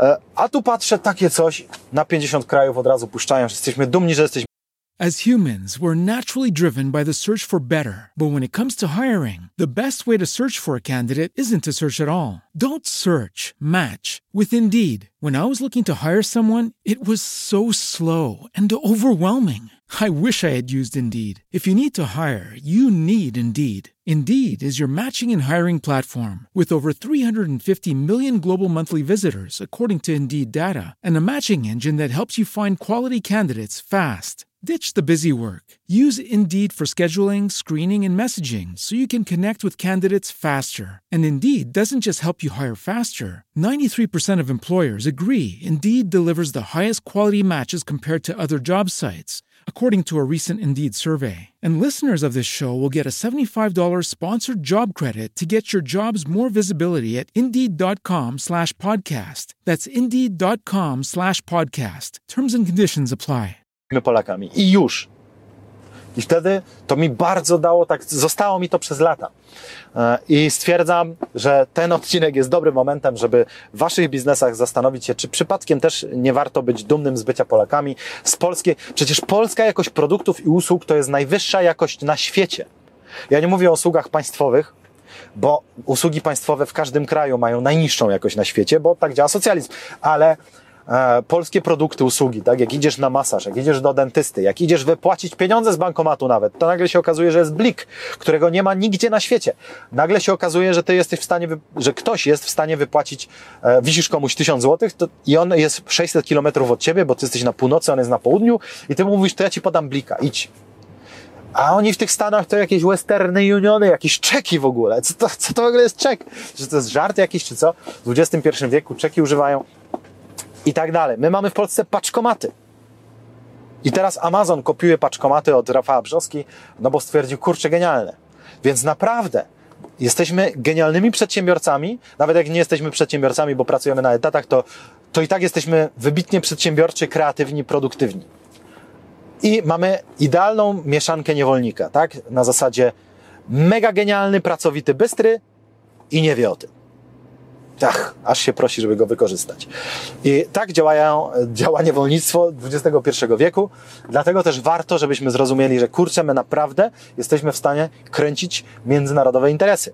To jest fakt. Dlatego też ja mam taką kategorię od lat i ona wreszcie po, po iluś tam latach w końcu zaczęła być dla mnie taka zupełnie naturalna, że to jest oczywista oczywistość, że ja mam robić. Ostatnio robiliśmy jedną konsultację marketingową i przy ekspansji Instytutu Lingwistyki na jeden kraj e, padła sugestia od marketera, że no to jest inny kraj, my jesteśmy polską firmą, więc dobrze będzie obniżyć ceny naszych kursów językowych, e, żeby łatwiej to było sprzedać. Jak ja słyszę w ogóle obniżenie ceny, w ogóle, nie tylko w tym kontekście, ale w ogóle, to mi się siedem lampek zaświeca, że co? Nie ma obniżania cen, bo ja już obniżałem w życiu ceny i efekt tego jest taki, że nigdy nie zostaje pieniędzy potem na marketing i się klepie biedę tak naprawdę, no, biedę metaforyczną, w sensie, że się żyje ze swoją firmą od pierwszego do pierwszego i nie wiadomo, czy, czy się przetrwa. No to nie, podziękuję. Natomiast jeszcze w tym kontekście, że za granicą ja mam obniżać cenę, bo będzie widoczne, że to jest polski produkt, o, to nie, nie, nie, nie, nie, nie, nie, nie. To właśnie podwyższyć trzeba, że oni mogą dostąpić zaszczytu kupienia polskiego produktu. Oczywiście tak nie będzie napisane na stronach zagranicznego instytutu, e, żeby nie było. Ale rozumiecie o co mi chodzi, tak? Że jestem dumny z tych produktów, one są mega dobre, należą nie tylko do najlepszych w Polsce, ale do najlepszych na świecie. Naprawdę. Przecież ja jestem maniakiem językowym. Ja kupiłem w życiu tyle kursów językowych, tyle różnych aplikacji i tak dalej. I tworzyłem później ten instytut w oparciu o te rzeczy, które mi się tam podobały i w oparciu o te rzeczy, których tam brakowało. Więc doświadczyłem tych rzeczy, i wprowadzamy, wprowadzamy, wprowadzamy coraz bardziej, coraz mocniej, coraz lepiej. No i nagle ja się mam teraz wstydzić. To w Polsce się nie wstydzę, a w Hiszpanii się będę wstydzić tych produktów, czy w Brazylii? No, no co za żart.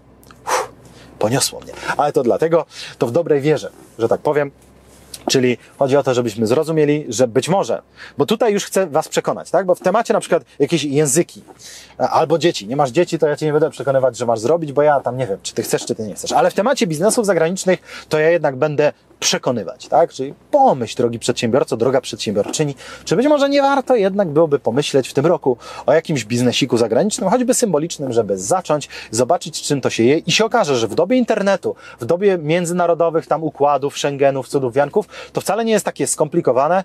Bardzo często wcale nie trzeba rejestrować firmy nawet za granicą, możesz to z polskiej firmy sprzedawać. Jest dużo platform, które Ci mogą pomóc i tak dalej. Jest to naprawdę dużo prostsze niż się wydaje w teorii. Także być może warto. Dobra, punkt szósty, moja szósta kategoria to jest produktywność i tam sobie wpisuję e, swoje cele, tudzież nawyki, które zamierzam wprowadzić w tym roku. E, I co? Na przykład w zeszłym roku napisałem sobie taki cel e, w temacie produktywność, że chcę mieć głównie wyłączony telefon, czyli włączać go tylko do załatwienia czegoś. To wymagało tak naprawdę pewnych przygotowań. Jest odcinek na tym kanale, który ma miniaturkę taką 30, przeżył 30 dni bez telefonu. Tam sobie zobaczycie całe te moje przygotowania, zmagania i tak dalej. No i cel osiągnięty na koniec roku. Nagle się okazało, że można przez większość czasu mieć telefon wyłączony i dalej żyć. Mało tego, żyć lepiej. Oczywiście wymagało to zlecenia pewnych rzeczy, tak? Przygotowania, bo jak ja bym obsługiwał osobiście klientów w swojej firmie, no to bym nie mógł sobie wyłączyć telefonu. Więc pewne rzeczy muszą być oczywiście odpowiednio wcześniej rozkminione, rozpisane.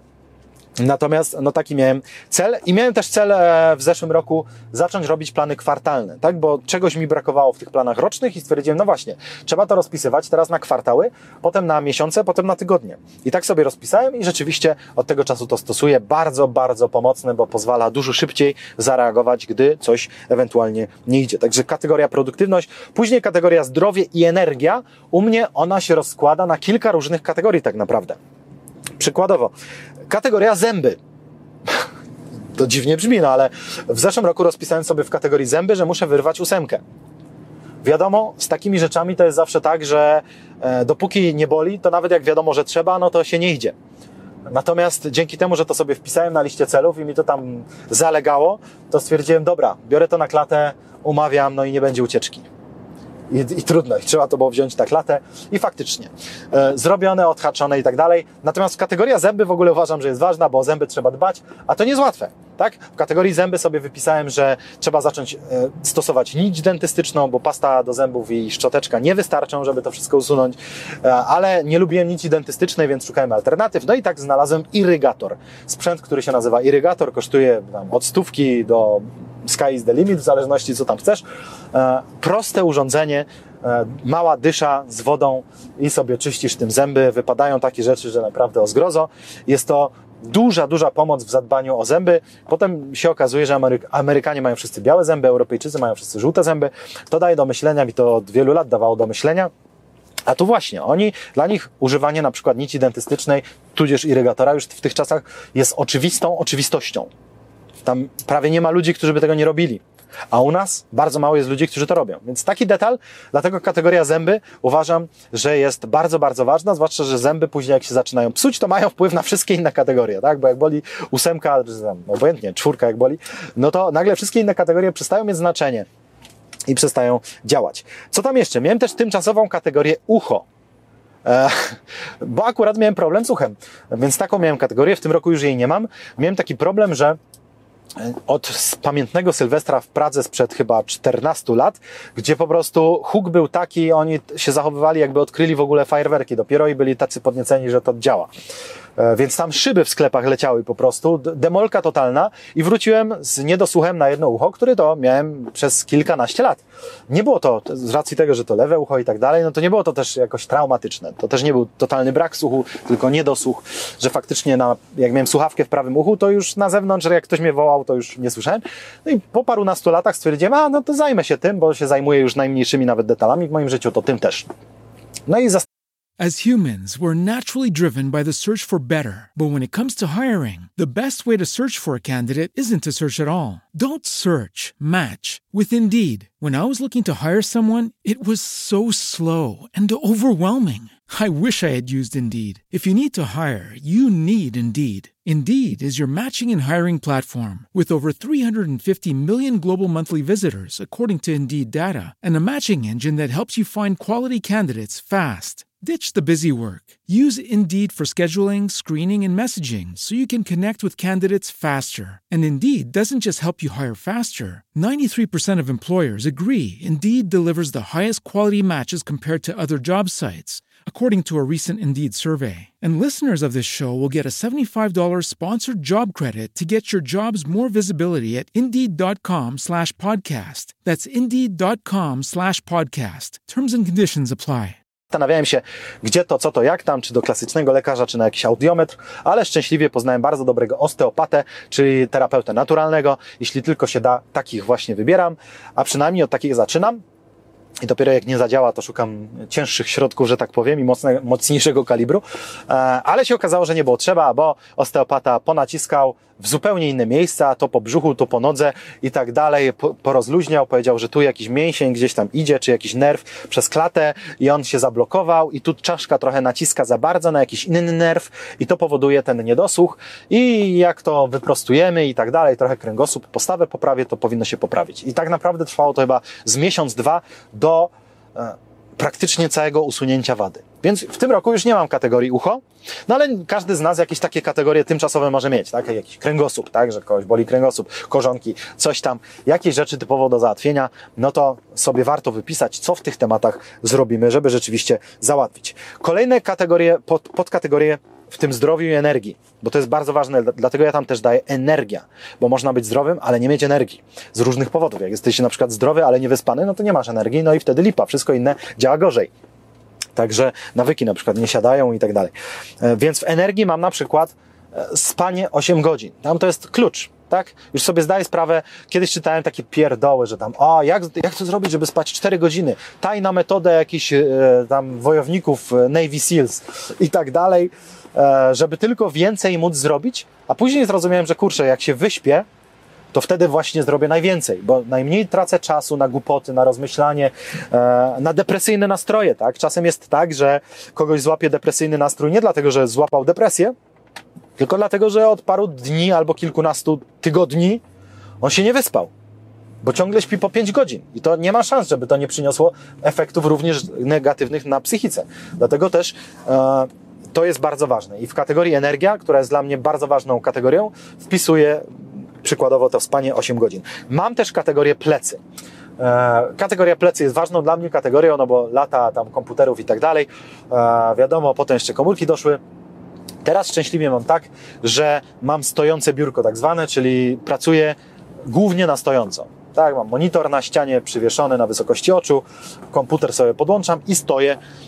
No jak się zmęczę tam po 6 godzinach, to mam też obok takie biureczko i drugi monitor i tam się przełączam ale jednak przez większość czasy, czasu pracuję na stojąco, więc taki cel sobie tam wypisałem, tak? Czyli pracować na stojąco, czyli zorganizować to konkretnie instalując stojące biurko i tak dalej. Monitor musi być, bo na laptopie to jest ciężka sprawa, tak? Bo jak sobie postawisz laptopa, to jak on będzie na wysokości oczu, to wtedy już ręce masz za wysoko, nie da się pisać. A jak postawisz go sobie na wysokości rąk, to wtedy ekran masz za nisko, patrzysz ciągle w dół. To też nie jest dobre dla kręgosłupa, więc to wymaga osobnego zewnętrznego monitora, do którego tego lapka podłączysz. Więc widzisz, jaka, jaka to jest logistyka w tym planowaniu, ale to są mega ważne rzeczy. Także w kategorii plecy właśnie rozpisałem sobie między innymi stojące biurko. E, czy 10 tysięcy kroków, jak się okazuje, ma wpływ też na plecy, bo jak my mało, za mało chodzimy, to ta postawa też Oczywiście jakbym robił 10 tysięcy kroków z komórką w ręce, e, no to, to pewnie by było źle, no ale jak tak normalnie się zaczyna chodzić po prostu, no to też ta postawa się poprawia i bóle kręgosłupa ustają i tak dalej. Także to też. Potem sport. W kategorii sport wypisywałem sobie na przykład, że trzy razy w tygodniu siłownia, dwa razy w tygodniu yoga i tak dalej. W zeszłym roku sobie wypisałem, że zacznę jeździć na rowerze. Później zacząłem jeździć na rowerze i stwierdziłem, że nie lubię tego, nie podoba mi się to, więc szukałem dalej i tak dalej. E, no i właśnie, normalna zupełnie rzecz. Mam oczywiście też kategorię wygląd. W kategorii wygląd przede wszystkim rozpisałem, ile chciałbym ważyć. Nie wiem, czy świat mi wybaczy, ponieważ jak tylko zbliżyłem się do tej wagi całkiem niedawno, to od razu padłem ofiarą hejtu. Weges rege, to przez to na pewno zachorował. Takie komentarze czytałem i to nie jeden, tylko kilkanaście. Maćku, zadbaj o siebie. To ja w końcu, i to w samej końcówce roku, zbliżyłem się, nawet nie osiągnąłem tej wagi, tylko się zbliżyłem do niej o 2,8 kg. Tyle mi brakło, bo miałem zrzucić 10. I co? I takie wsparcie od Was mam? Nie kochacie mnie już? Wesprzyjcie, no. Także, a już tak na serio, czyli w kategorii wygląd, to jest ważna kategoria. Ja też jako człowiek, e, że tak powiem, no, dojrzały to by była mocna przesada, ale człowiek z doświadczeniami zrozumiałem, że należy akceptować siebie w pełni. Więc ja się nie wstydzę, że ja chcę fajnie wyglądać, że ja chcę patrzeć w lustro z dumą. Na miarę możliwości oczywiście, tak? Bo ja wiem, że do George'a Clooney'a to mi zawsze będzie za daleko, ale, no ale zdaję sobie sprawę, że mogę mieć tę sylwetkę jakąś lepszą i zdaję sobie sprawę, że to jest dla mnie istotne i nie będę się okłamywać, że jestem och, mój poziom duchowości oświecenia jest taki, że czymże jest to przemijające ciało, które jest wyłącznie opakowaniem na naszą duszę na kilkadziesiąt lat. Niby to wiem, ale z drugiej strony jednak czuję tę potrzebę e, wyglądania lepiej niż gorzej. I to jest ważne przy planowaniu celów, bo niektórzy z nas wypierają różne części swojego życia, tak? Czy ktoś ma jakieś na przykład e, za rzadko, że tak powiem, doznawał uciech cielesnych i sobie w celach wypisałby, że w tym roku chce więcej, no ale no ale jak to takie rzeczy pisać w ogóle? Jak w ogóle planować? Jeszcze nie daj Boże zacząć liczyć, ile razy ja takie coś zrobię w przyszłym roku. To nie, to może nie. A skończ. Przecież to ma, mają być Twoje cele. To musisz być Ty, prawdziwy Ty, bo tylko wtedy to będzie miało sens, tylko wtedy to będzie motywujące, działające i tak dalej. Także e, to jest ważna rzecz, czyli ja tam też daję wygląd, nie ma najmniejszego problemu. Daję też pod kategorię ogólne rzeczy zdrowotne, które mi nie wchodzi do żadnej innej kategorii i tam mam na przykład, chociaż to by weszło do energii. Do energii by weszło zimne prysznice. Dałem sobie jakiś czas temu taki cel, no i od tego czasu już, to już jest chyba ponad rok, biorę zimne prysznice, zauważyłem, że to działa po pierwsze bardzo dobrze zdrowotnie, po drugie bardzo dobrze pod kątem nastroju, bo są badania na to, że zimny prysznic wyzwala w nas dużo endorfin, więc jest świetnym e, lekarstwem na depresyjne nastroje, a w tych czasach to takich nastrojów jest trochę za dużo. Więc świetnie też pod kątem, właśnie tak jak mówię, nastroju, a jednocześnie pod kątem doceniania. Bo jak się żyje w takim komforcie, jak my wszyscy, to czasem dobrze by było dostać pysk, ale na szczęście metaforycznie. Tylko dla mnie ten zimny prysznic, oni obiecywali, że później będzie łatwiej. No minął rok i wcale nie jest łatwiej. Dziś wieczorem ten zimny prysznic będzie dla mnie tak przykry, jak pierwszego dnia. Niestety. E, I ale to mi daje taki kontakt z rzeczywistością większy, tak? Czyli wchodzę pod tą zimną wodę, czuję ten ból na początku, zanim ten, minie ten czas bólu i, i potem już spoko jest. Po, po dwóch minutach to jest spoko i, i jasne, potem już jest przyjemność i wręcz i, radość, a jak się wyjdzie, to już w ogóle. E, natomiast ten początek mi daje taki, takie wyjście ze strefy komfortu bardzo dosłowne, które jest potrzebne, żeby tak codziennie sobie wyjść i zrozumieć, że dobra, bardziej się docenia to, że ja z tej zimnej wody wychodzę do ciepłego pomieszczenia potem, a ktoś inny nie, a w przeszłości prawie nikt. Także również to daję w takiej podkategorii, jako albo pod energią, albo jako podkategoria ogólne. Daję to tylko jako przykłady, żebyś wiedział co i jak. Daję tam też przykład skille związane ze zdrowiem i energią. Ja sobie daję na przykład takiego skilla, żeby lepiej nauczyć się pływać, bo średnio As humans, we're naturally driven by the search for better. But when it comes to hiring, the best way to search for a candidate isn't to search at all. Don't search, match with Indeed. When I was looking to hire someone, it was so slow and overwhelming. I wish I had used Indeed. If you need to hire, you need Indeed. Indeed is your matching and hiring platform with over 350 million global monthly visitors, according to Indeed data, and a matching engine that helps you find quality candidates fast. Ditch the busy work. Use Indeed for scheduling, screening, and messaging so you can connect with candidates faster. And Indeed doesn't just help you hire faster. 93% of employers agree Indeed delivers the highest quality matches compared to other job sites, according to a recent Indeed survey. And listeners of this show will get a $75 sponsored job credit to get your jobs more visibility at Indeed.com slash podcast. That's Indeed.com slash podcast. Terms and conditions apply. Nie umiem, przyznam szczerze, e, jakoś to tak było. że do mistrzostwa to mi bardzo daleko, więc daję sobie skill, dopracować to do taki, i to znowu trzeba rozpisać konkretnie do takiego poziomu, że co? Że ten styl jestem w stanie nim przepłynąć na przykład cztery długości, czy co i tak dalej.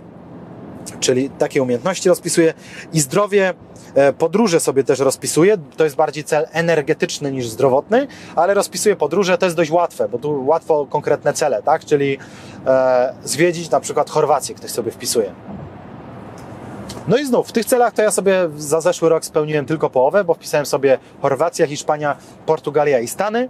E, no i Chorwacja, Hiszpania wyszło, Portugalia zaczęła świrować e, tam, a to teścik taki, a to inny, a to zamkniemy muzeum, a to to, a to tamto, a to obostrzenia, a to po 20 nie można wychodzić z domu.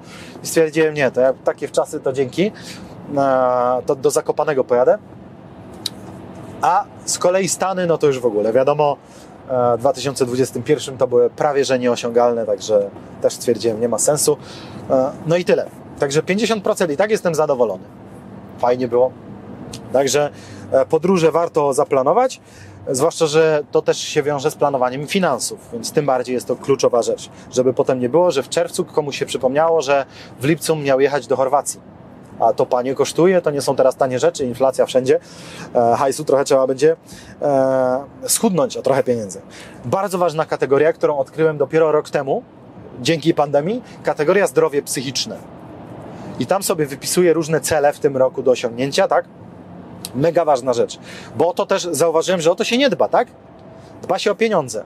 Niektórzy dbają o jakieś tam życie prywatne, ale też wyrywkowo, o zdrowie, a nie planuje się zdrowia psychicznego, które w tym czasie w tych czasach w ogóle, to nie chodzi tylko o czasy lockdownów i tak dalej, ale w ogóle, no, przecież te czasy są takie, że jest taka presja, tyle rzeczy na głowie i tak dalej, że nawet jak wszystkie te rzeczy są dobre, to jest ich tak dużo, że one mogą przytłoczyć od czasu do czasu.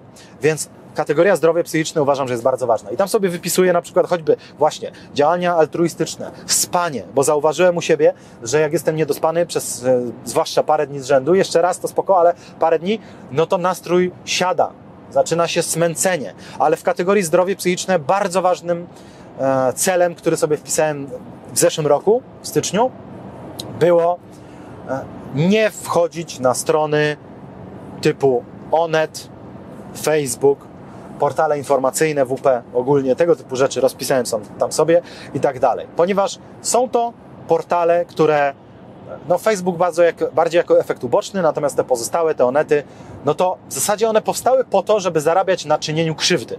Ja wiem, to są mocne słowa, brutalne, radykalne, ale w sumie to tak jest. No bo tu chodzi o to, żeby zarabiać na atencji, a z badań psychologicznych wiemy, że zarabianie na atencji jest najłatwsze, najłatwiejsze i największe.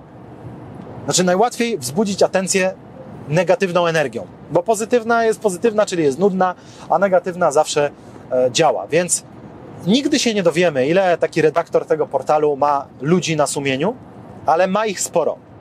Jest pośrednim mordercą, powiedziałbym nawet. No bo jeżeli oni się umawiają, że będziemy teraz przez dwa lata naparzać ciągłym straszeniem, ciągle będziemy straszyć, straszyć, straszyć, straszyć. W zasadzie to nie jest tylko kwestia pandemiczna, chociaż tutaj się uparli wyjątkowo, zgodnie, że trzeba straszyć ciągle każdego.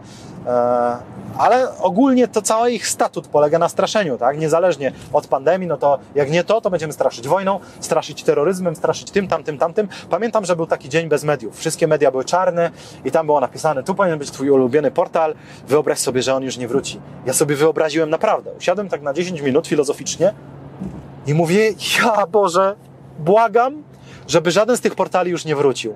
Jak lepszym miejscem będzie świat. Oczywiście, byłaby jakaś luka, tak? Bo my mamy wszyscy potrzebę informacji. Każdy z nas musiałby się nauczyć, nie wiem, wchodzić na stronę Ministerstwa Edukacji, na Twittera, żeby się dowiedzieć, jakie na jutro wymyślą durne obostrzenia. Które nikomu zdrowia nie ocalą, ale za to e, zniszczą zdrowie psychiczne dzieci. No i tyle. Więc trzeba by było sobie stworzyć trochę inne nawyki, żeby wiedzieć, co się na świecie dzieje w innej formie, bardziej informacyjnej niż depresyjnej i strachowej, ale, ale w dłuższym rozrachunku wszyscy bylibyśmy bardzo do przodu. Ja zauważyłem, że czytanie tych badziewnych portali wpływa na mnie, pomimo lat edukacji, studiów psychologicznych, szkoleń przeróżnych psychologicznych i tak dalej, to jednak nie da się tego uniknąć, e, żeby, żeby czasem humor siadł, zwłaszcza w gorszy dzień. Jak tak wejdziesz na niewyspaniu i tam czytasz te farmazony, e, kogo tam zabili, kogoś zgwałcili, e, pedofil zaatakował i tak dalej. Te wszystkie rzeczy, które gdzieś tam się dzieją, albo potencjalne zagrożenia, które być może się wydarzą, ale tak naprawdę nikt nie wie, bo nikt nie zna przyszłości. Poza tymi redaktorami, oni jako jedyni znają przyszłość, oni wiedzą, że będzie jutro trzecia wojna światowa i że pojutrze nie będzie prądu. Oni jako jedyni wiedzą, czemu oni nie są miliarderami, jak tak dobrze przewidują wykres w prawo. To powinni inwestować w akcje w bitcoina, e, przecież oni znają przyszłość. Też bym chciał znać, to bym, panie, to jakie ja bym hajsy robił na rynkach kapitałowych. E, także tak to działa, więc dla mnie to był kluczowy nawyk na zeszły rok, żeby nie wbijać na te portale. Udało mi się osiągnąć to w 85%, rzekłbym. Wyjątki były właśnie wtedy, zauważyłem, jak jestem jakiś niewyspany i tak dalej, wtedy e, ta garda opada, albo jak właśnie szukałem informacji, bo wiedziałem, że znowu będą chcieć e, stosować jakąś przemoc na moich dzieciach w postaci zamknięcia szkoły i tak dalej i potrzebowałem znać terminy i tak dalej i odruchowo po prostu wchodziłem na te portale zamiast na strony ministerstwa.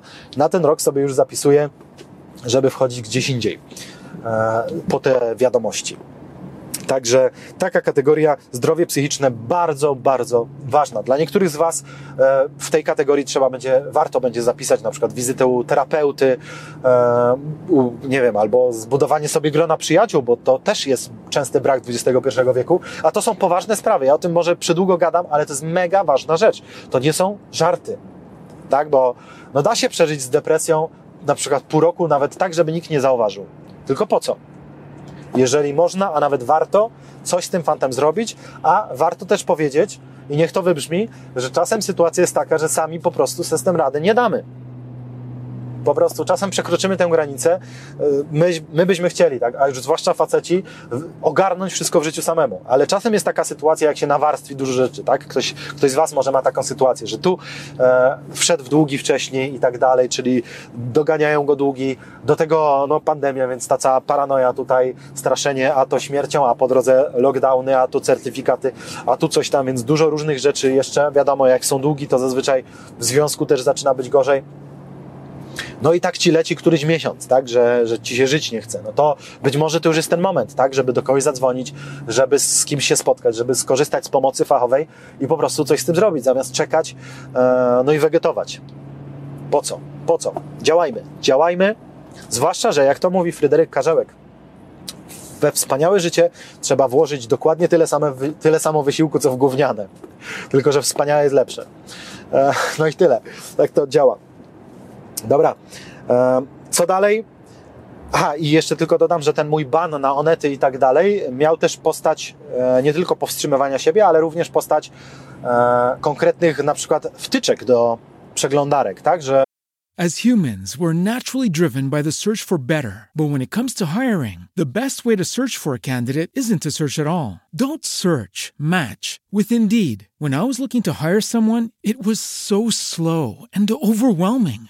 I wish I had used Indeed. If you need to hire, you need Indeed. Indeed is your matching and hiring platform with over 350 million global monthly visitors, according to Indeed data, and a matching engine that helps you find quality candidates fast. Ditch the busy work. Use Indeed for scheduling, screening, and messaging so you can connect with candidates faster. And Indeed doesn't just help you hire faster. 93% of employers agree Indeed delivers the highest quality matches compared to other job sites according to a recent Indeed survey. And listeners of this show will get a $75 sponsored job credit to get your jobs more visibility at Indeed.com slash podcast. That's Indeed.com slash podcast. Terms and conditions apply.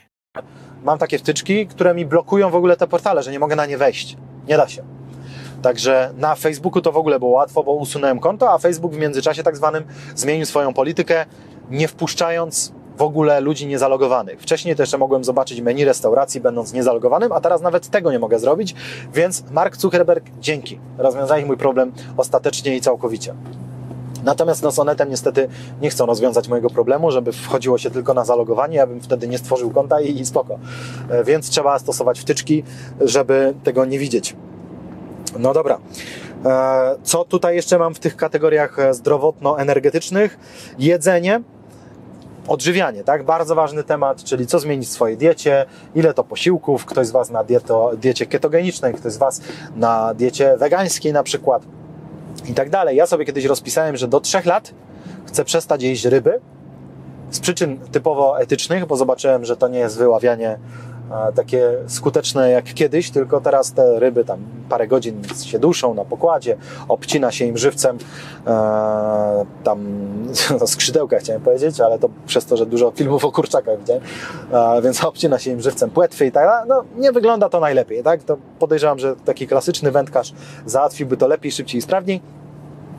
No więc dałem sobie cel do trzech lat, że w trzy lata będę w stanie to ogarnąć, tak? Bo, bo z kolei uwielbiałem smak ryb, mięsa klasycznego już nie jadłem od chyba 8 lat czy 10. E, ale się okazało, że jak my wypisujemy nasze cele, to faktycznie to, co Paulo Coelho mówił, że cały świat zaczyna jakby konspirować, żeby nam pomóc w tym. I tak naprawdę się okazało, że ja to tam na początku roku rozpisałem, że do trzech lat to zrobię, a już w dziewiątym miesiącu byłem całkowicie weganinem. Mimo, że takiego celu nie miałem, no ale się okazało, że jak dałem sobie taki cel rozwoju duchowego, bo to o to przede wszystkim chodziło, żeby zwiększyć swoją empatię i mniej cierpienia, żeby było na ziemi e, dzięki mnie a, mnie, a nie więcej, no to z całą świadomością tego, że jedyną formą, żeby nikogo nie skrzywdzić, jest po prostu się zabić. I to nawet to nie działa, bo, bo wtedy byś skrzywdził wszystkich swoich bliskich. Także no, no nie da się, nie da się. E, ale, ale zawsze możemy chociaż jeden kroczek jakiś zrobić, tak? Każdy swój.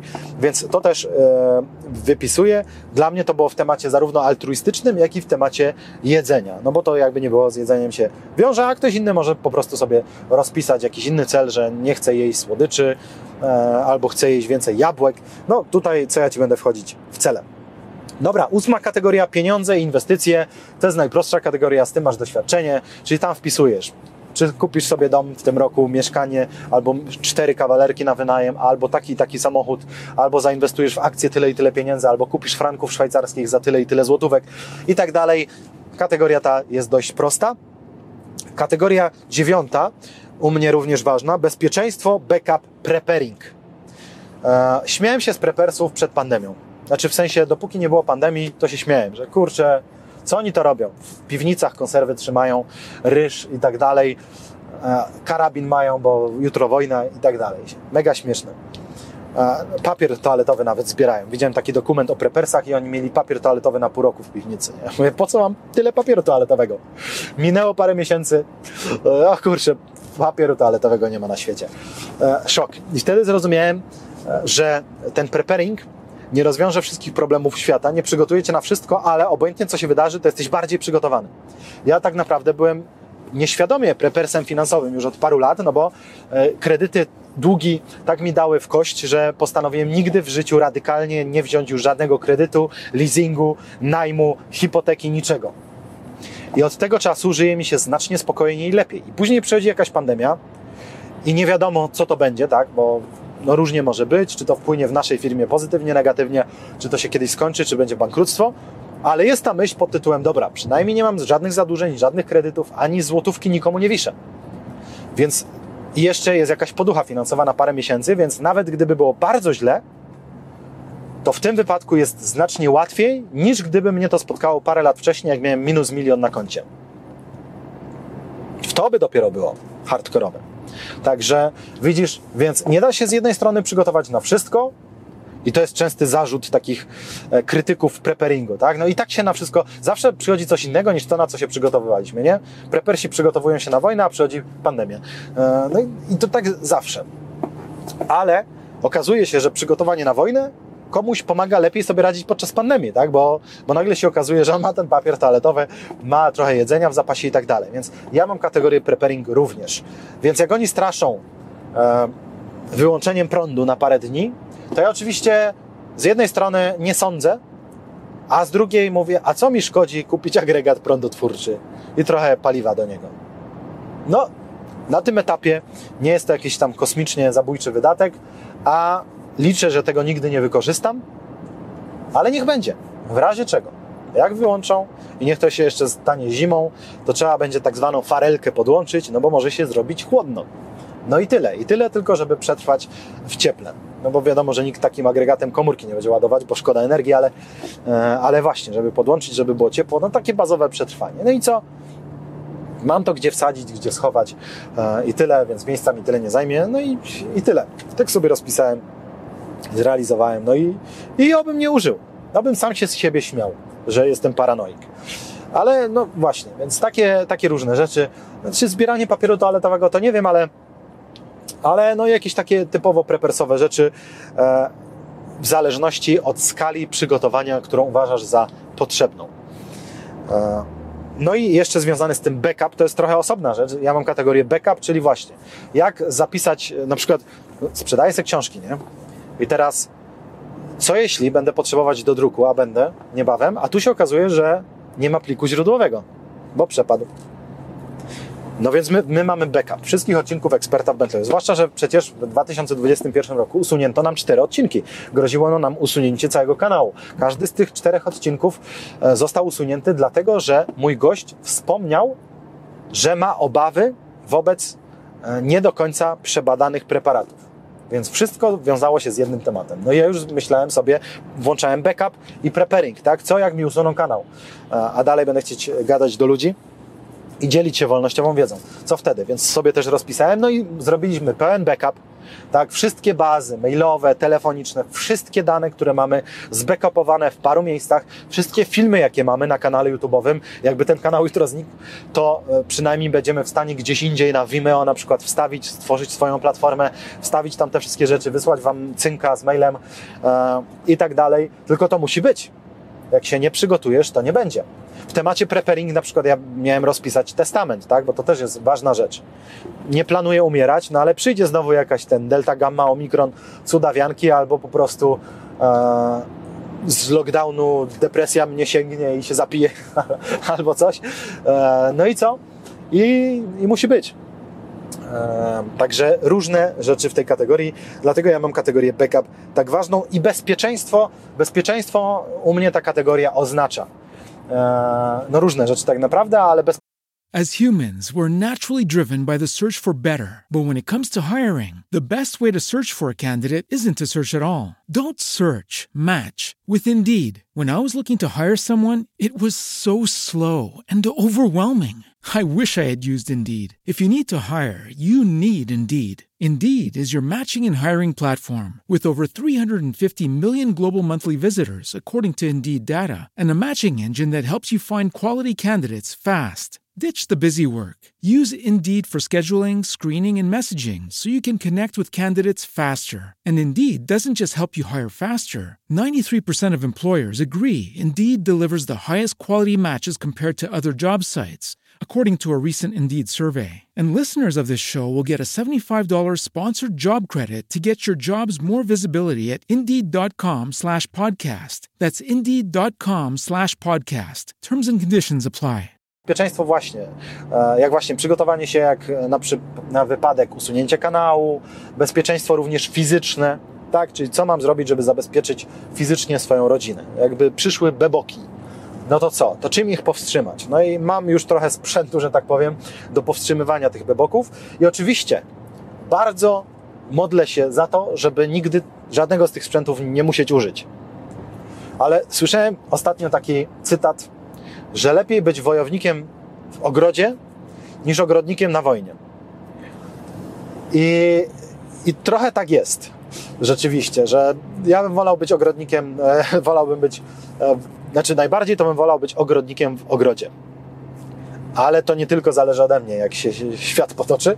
E, więc chodzi o to, żeby się przygotowywać. Nie mówię tu stricte o wojnie, bo jednak mimo straszenia, w zasadzie zwłaszcza to straszenie to najbardziej dowodzi, że to jest nierealne zagrożenie i prawdziwe jest gdzie indziej. Tak? Czyli, czyli, że to jest jakaś wydmuszka, która ma nam zamydlić oczy, bo to zazwyczaj tak działa. W każdym razie, jednak warto zadbać o swoje bezpieczeństwo. To nie są drogie rzeczy, a, a, a zawsze jakiś taki dodatkowy spokój w głowie jest. No i co?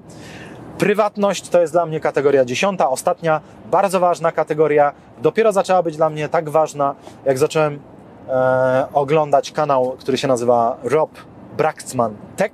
Rob Braxman Tech. Tak się to pisze. Gość, który jest mega technikiem od spraw prywatności i on tłumaczy te zasady, jak to działa i to jest przerażające. W sensie, jak bardzo my jesteśmy inwigilowani w tych czasach, to jest szokujące. Ty możesz mieć wyłączony, w zasadzie trzeba powiedzieć prosto, jeżeli masz Google'a na telefonie, to już nie ma znaczenia, czy ty masz wyłączonego GPS-a, czy masz wyłączone zdjęcia, jakieś Face ID, to już wszystko nie ma znaczenia. Ten Google ci zabiera wszystko i wszystko kontroluje i wszystko ściąga. Tak można to uprościć. Tak to po prostu działa.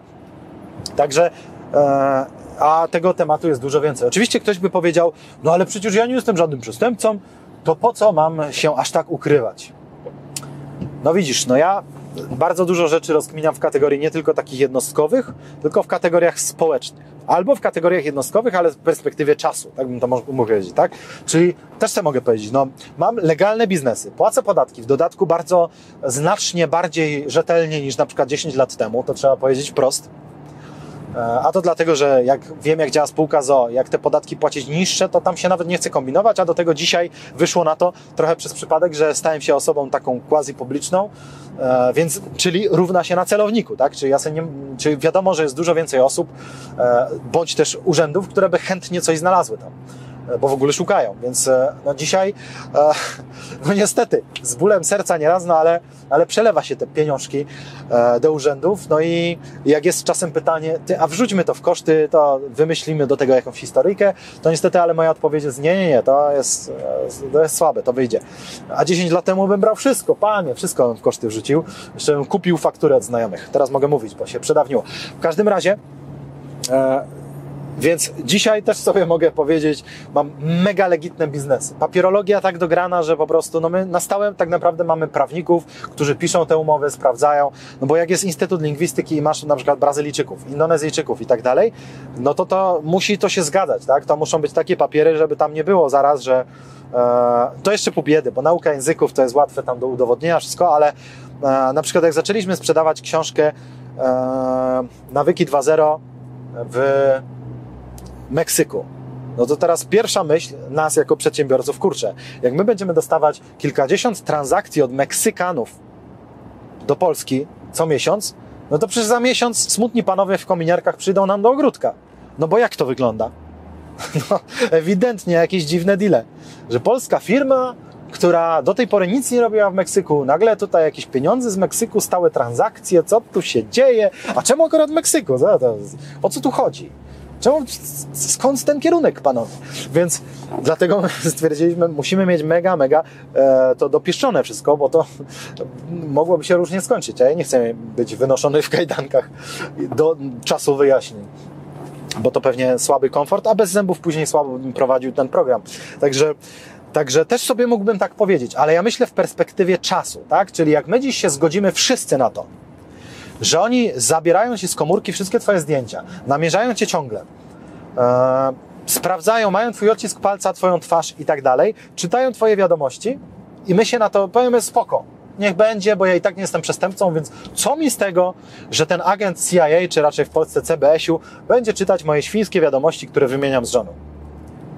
To teraz pomyśl, co będzie za 20 lat, przez to, że my się teraz na to zgadzamy bo nie ma w świecie konstansu, rzeczy, które się nie zmieniają. Każda rzecz się zmienia w jedną stronę, w drugą, w siódmą, pod wpływem tego, jaka jest reakcja. Zawsze jest akcja i reakcja. Jeżeli jest akcja i nie ma reakcji, no to będzie szło to w tą stronę. Tak samo właśnie jak te e, nazicerty, tak zwane przeze mnie, czyli kody QR, z którymi mamy wchodzić kiedyś do restauracji. Kiedyś, niebawem.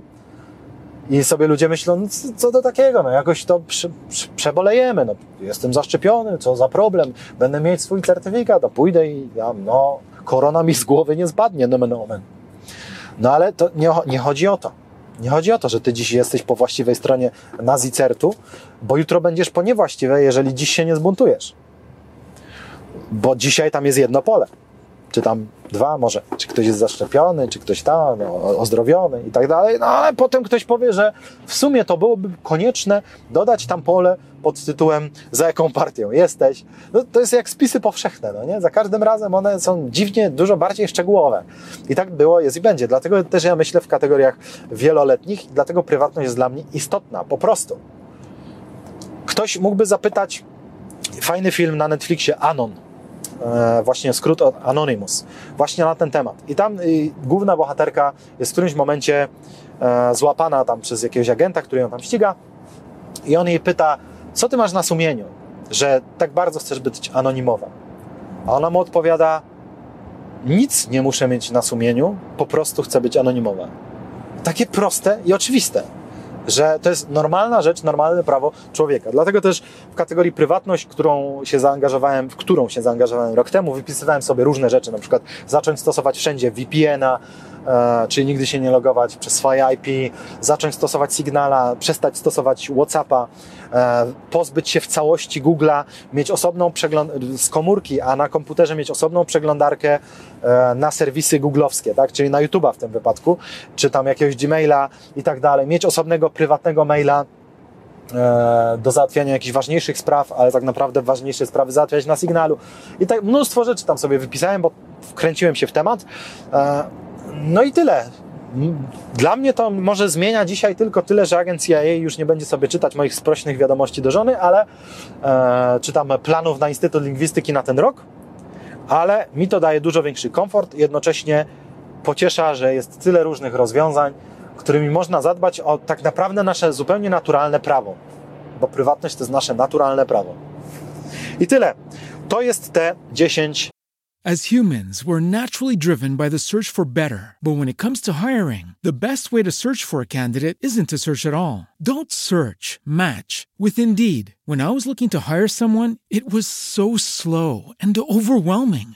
I wish I had used Indeed. If you need to hire, you need Indeed. Indeed is your matching and hiring platform with over 350 million global monthly visitors, according to Indeed data, and a matching engine that helps you find quality candidates fast. Ditch the busy work. Use Indeed for scheduling, screening, and messaging so you can connect with candidates faster. And Indeed doesn't just help you hire faster. 93% of employers agree Indeed delivers the highest quality matches compared to other job sites, according to a recent Indeed survey. And listeners of this show will get a $75 sponsored job credit to get your jobs more visibility at Indeed.com slash podcast. That's Indeed.com slash podcast. Terms and conditions apply.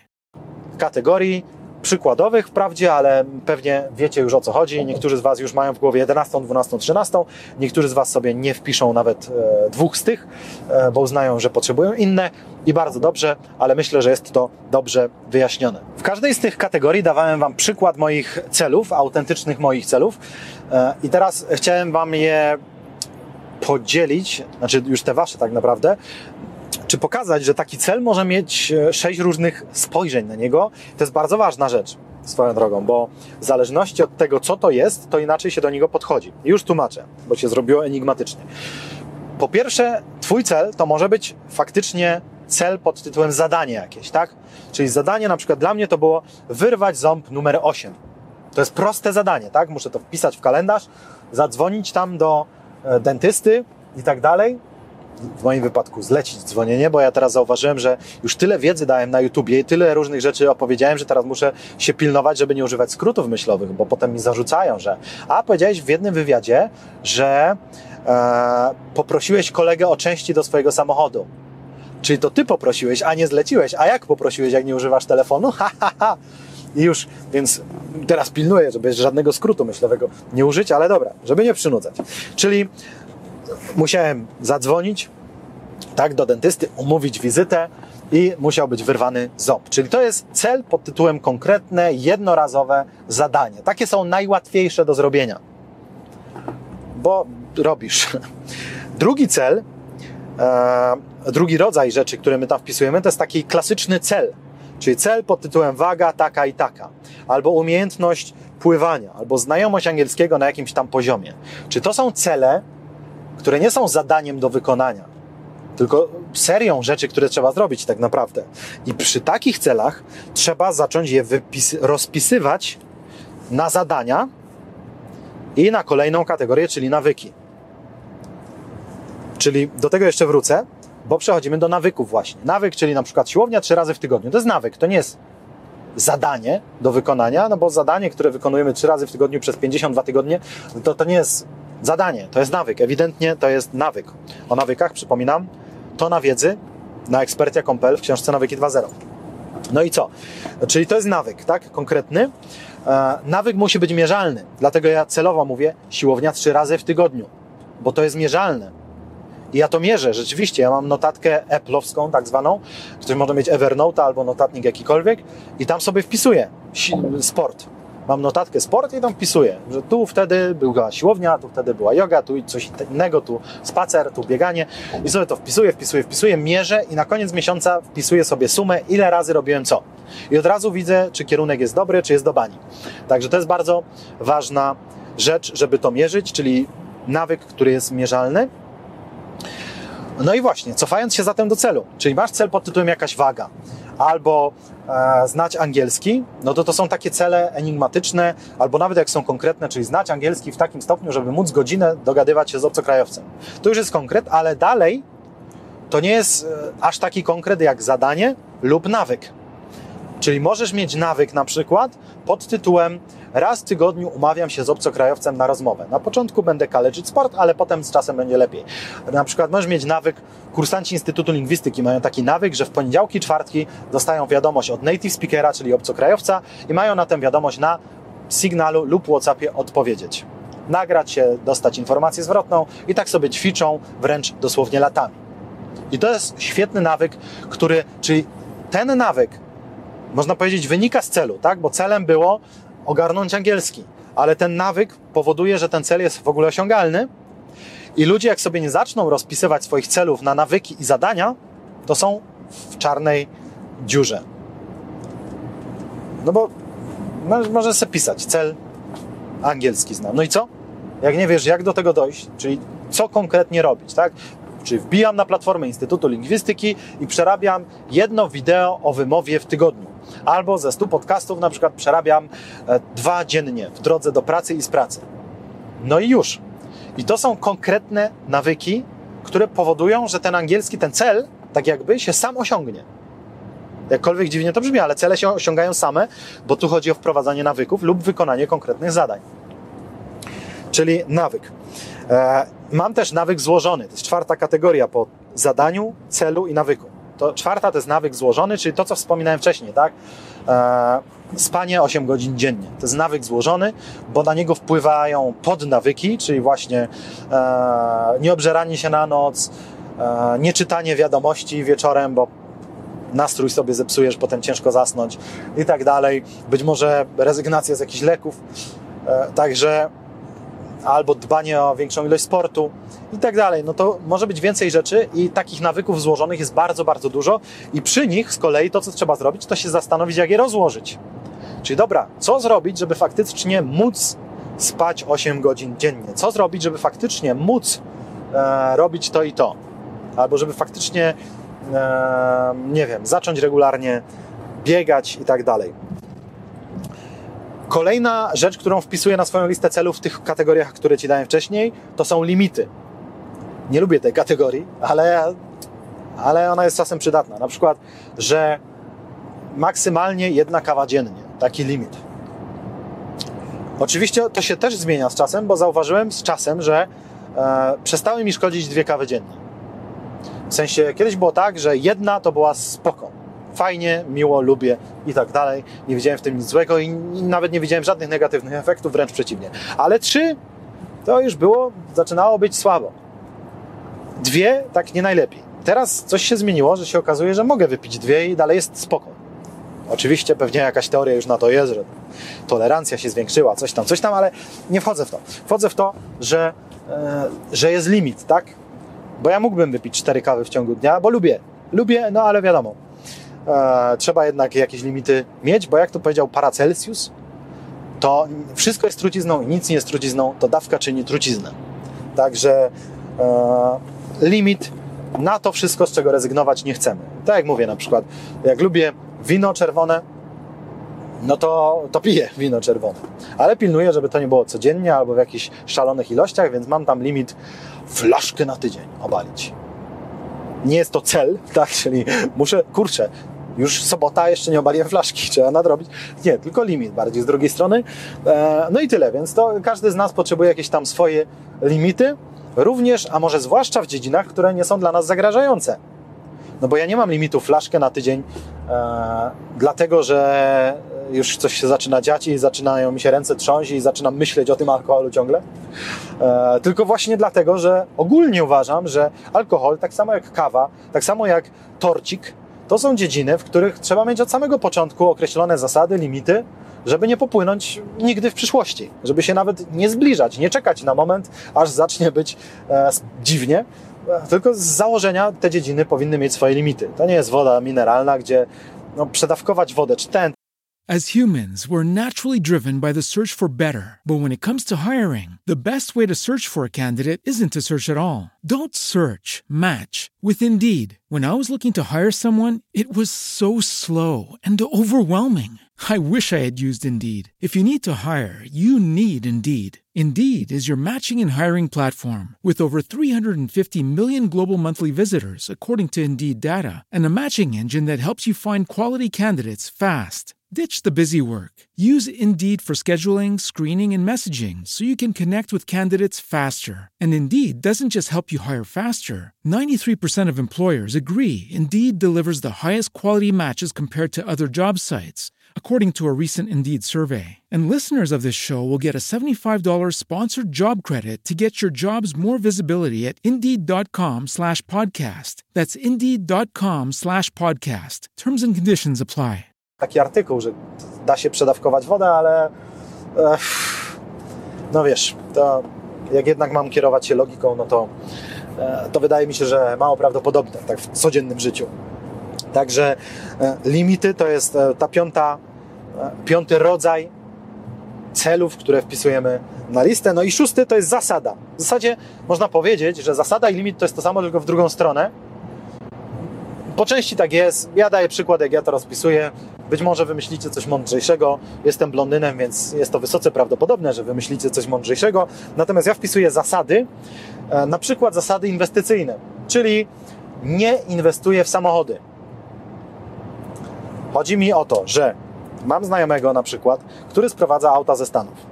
Robi to naprawdę w dobrych pieniądzach i dałoby się przytulić trochę grosza. Ale ja mam zasadę w co inwestuję, czyli też w co nie inwestuję.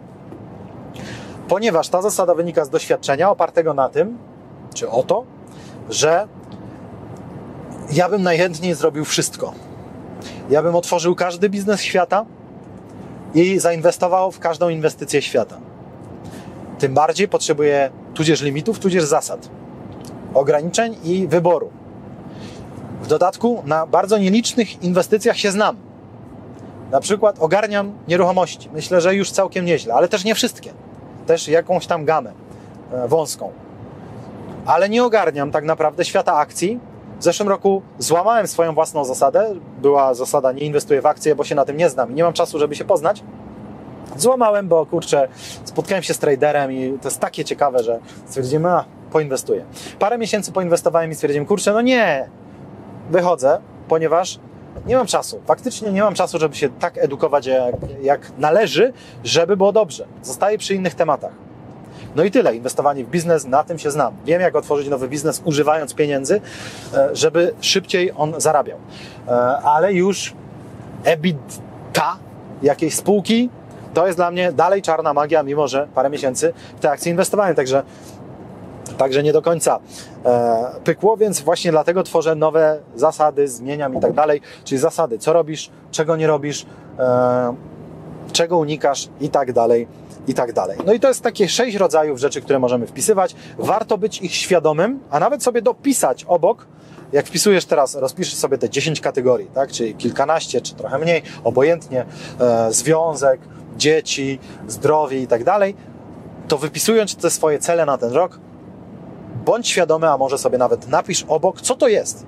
Czy to jest właśnie taki cel, bo cel wymaga rozpisania podnawyków, czy to jest właśnie nawyk, taki prosty, że konkret trzy razy w tygodniu siłownia, czy może on jest złożony i, i to tak łatwo nie wyjdzie i trzeba go rozpisać na proste nawyki, czy może to jest mega banał, czy, czyli konkretne zadanie do wykonania, a może to jest limit lub zasada. I jak to sobie rozpiszesz, doda Ci dużo większą świadomość e, i będziesz dużo bardziej wiedzieć, co w ogóle z tym zrobić, żeby to zadziałało. No i teraz tak. Podam Ci zasady wyznaczania celów, żeby było dobrze, na szybko. E, tak bardziej szczegółowo masz to w nawykach 2.0, także tam odsyłam.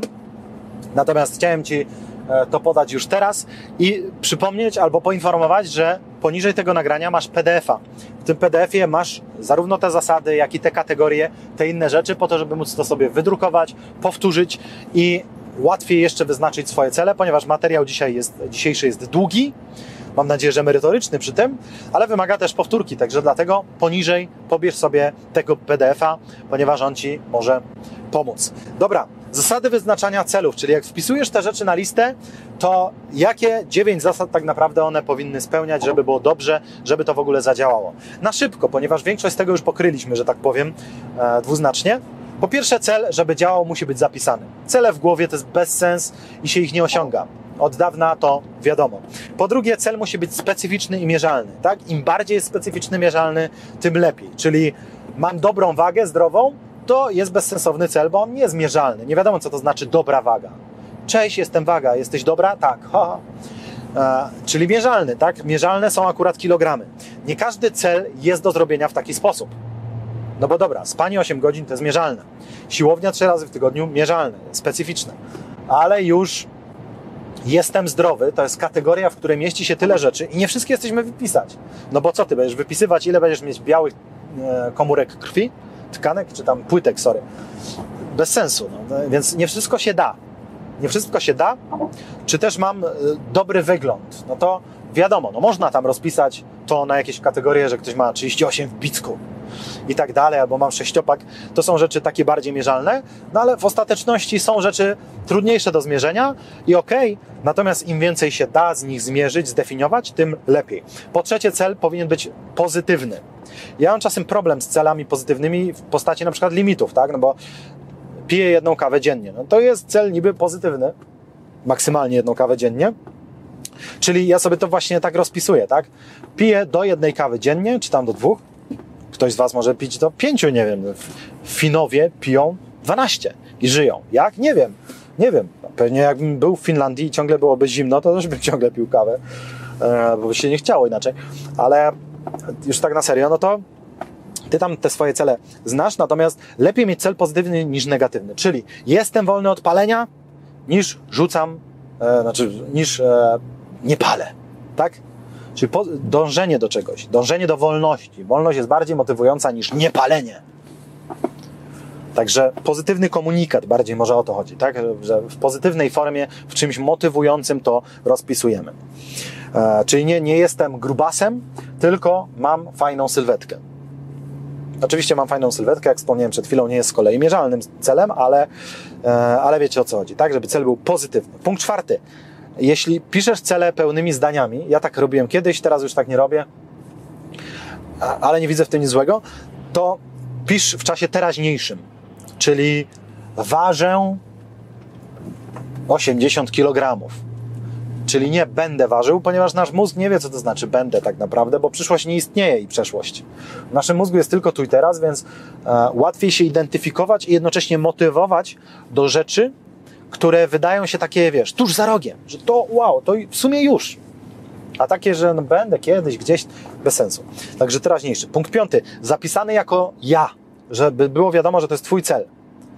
Czyli jeżeli piszesz pełnym zdaniem znowu, bo jak ja piszę cel, waga taka i taka, no to nie jest do końca zapisane jako ja, ale mi to nie przeszkadza specjalnie, szczerze mówiąc, ale ogólnie się zaleca jednak, żeby cel był zapisany jako ja, czyli ja ważę tyle i tyle, ja mówię płynnie na przykład po angielsku i tak dalej.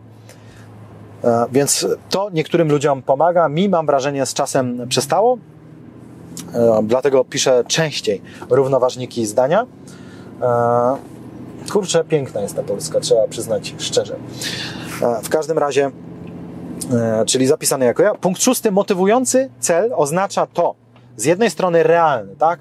Czy jak sobie wpiszesz, w tym roku mówię dwudziestoma językami obcymi, to to może być motywujące przez dwa dni, a potem będzie demotywujące, bo będzie, jak to jest możliwe, przecież nie zrobię As humans, we're naturally driven by the search for better. But when it comes to hiring, the best way to search for a candidate isn't to search at all. Don't search, match with Indeed. When I was looking to hire someone, it was so slow and overwhelming. I wish I had used Indeed. If you need to hire, you need Indeed. Indeed is your matching and hiring platform with over 350 million global monthly visitors, according to Indeed data, and a matching engine that helps you find quality candidates fast. Ditch the busy work. Use Indeed for scheduling, screening, and messaging so you can connect with candidates faster. And Indeed doesn't just help you hire faster. 93% of employers agree Indeed delivers the highest quality matches compared to other job sites, according to a recent Indeed survey. And listeners of this show will get a $75 sponsored job credit to get your jobs more visibility at Indeed.com slash podcast. That's Indeed.com slash podcast. Terms and conditions apply.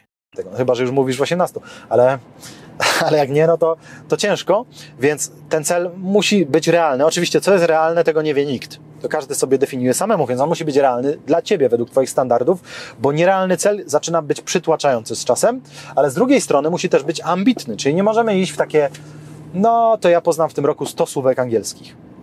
Bo to owszem jest realne, bez problemu, ale to nie jest motywujące. Kogoś to motywuje, że w tym roku pozna 100 słówek? Co, przez cały rok? Panie, i gdzie tu motywacja, gdzie tu ten wewnętrzny ogień, że zmienię swoje życie, będę poznawać fantastycznych Amerykanów i tak dalej, kręcić biznesy zagraniczne. No nie ma tego, bo stosówek to wiesz, to fajnie, ale, ale w miesiąc albo w dwa tygodnie, a nie w rok. Także e, motywujący cel równa się ambitny jed, z jednej strony, a realny z drugiej. Punkt siódmy. Prawdziwie twój, czyli spójny z wartościami. Mega ważna rzecz. Jeżeli sprzedajesz najmy terminowe, a nie wierzysz w najmy termino, terminowe, to być może Twoim celem nie powinno być domknąć tyle i tyle sprzedaży w tym roku, tylko zmienić pracę. Po prostu, no bo chodzi o to, żeby być w pełni spójny, bo to powoduje, czyli żeby jak najwięcej części Ciebie współgrało z pozostałymi częściami. Każdy z nas jest oczywiście w jakimś sensie hipokrytą, tak? Bo, czyli mówi, że dba o zdrowie, a widziałem go na kebabie. A, a, no więc każdy. Ale chodzi o to, i to jest nasz cel właśnie w tym wyznaczaniu celów, żeby jak najmniej tej hipokryzji było i nie mówię w kontekście społecznym, tak, że, żeby mi nie wytknęli czegoś, tylko w kontekście własnej integralności, zdrowia psychicznego wręcz. Bo my się lepiej czujemy sami ze sobą, jeżeli tam się wszystko zgadza. A nie, kurczę, no z jednej strony to bym ciągle żarł ciastka, a z drugiej to chcę być szczupły i mieć sześciopak. A z trzeciej, a może jakiś inny sześciopak se kupię. Tyskiego. No i, i to tak ta walka wewnętrzna, więc to trzeba rozgrywać tak, żeby rzeczywiście te nasze cele były takie prawdziwie nasze, spójne z tym, co my lubimy robić, co nas kręci, a nie dlatego, że na przykład skończę studia, bo kazali, albo bo wszyscy tak mówią, albo otworzę firmę, bo wieczorek mówi, że to jest dobry sposób na zarobek. A pytanie, czy dla każdego tak musi być? A może dla kogoś właśnie najlepszym sposobem, najbardziej uszczęśliwiającym jest praca na etacie u kogoś. No i co?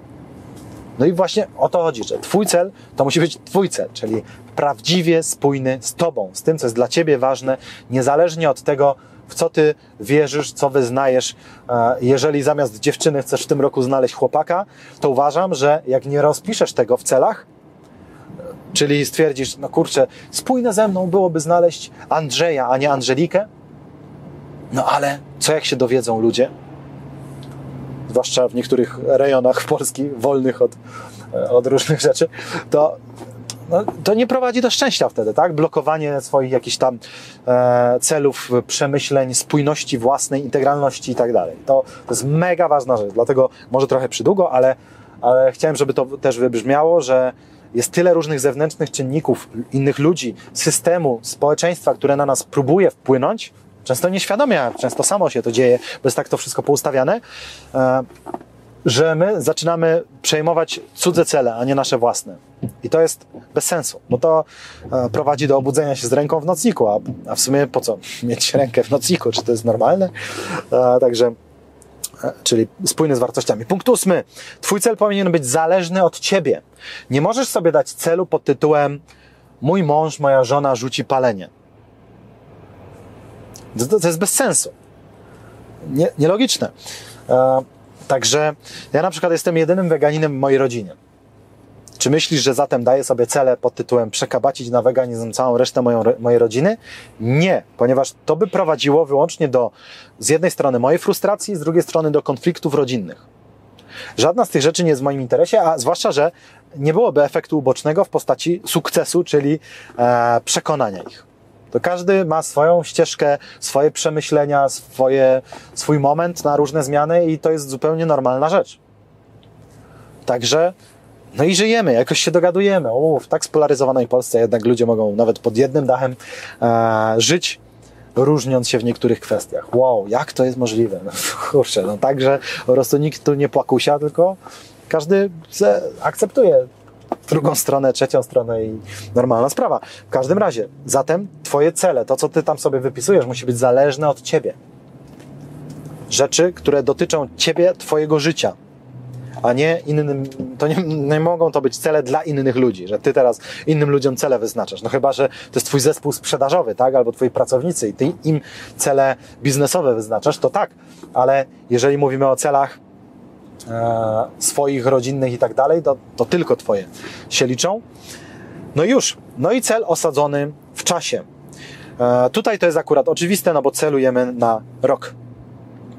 Tak, czyli planujemy najbliższy rok. I potem te wszystkie cele, jak już to zrobię, trwa to parę dni.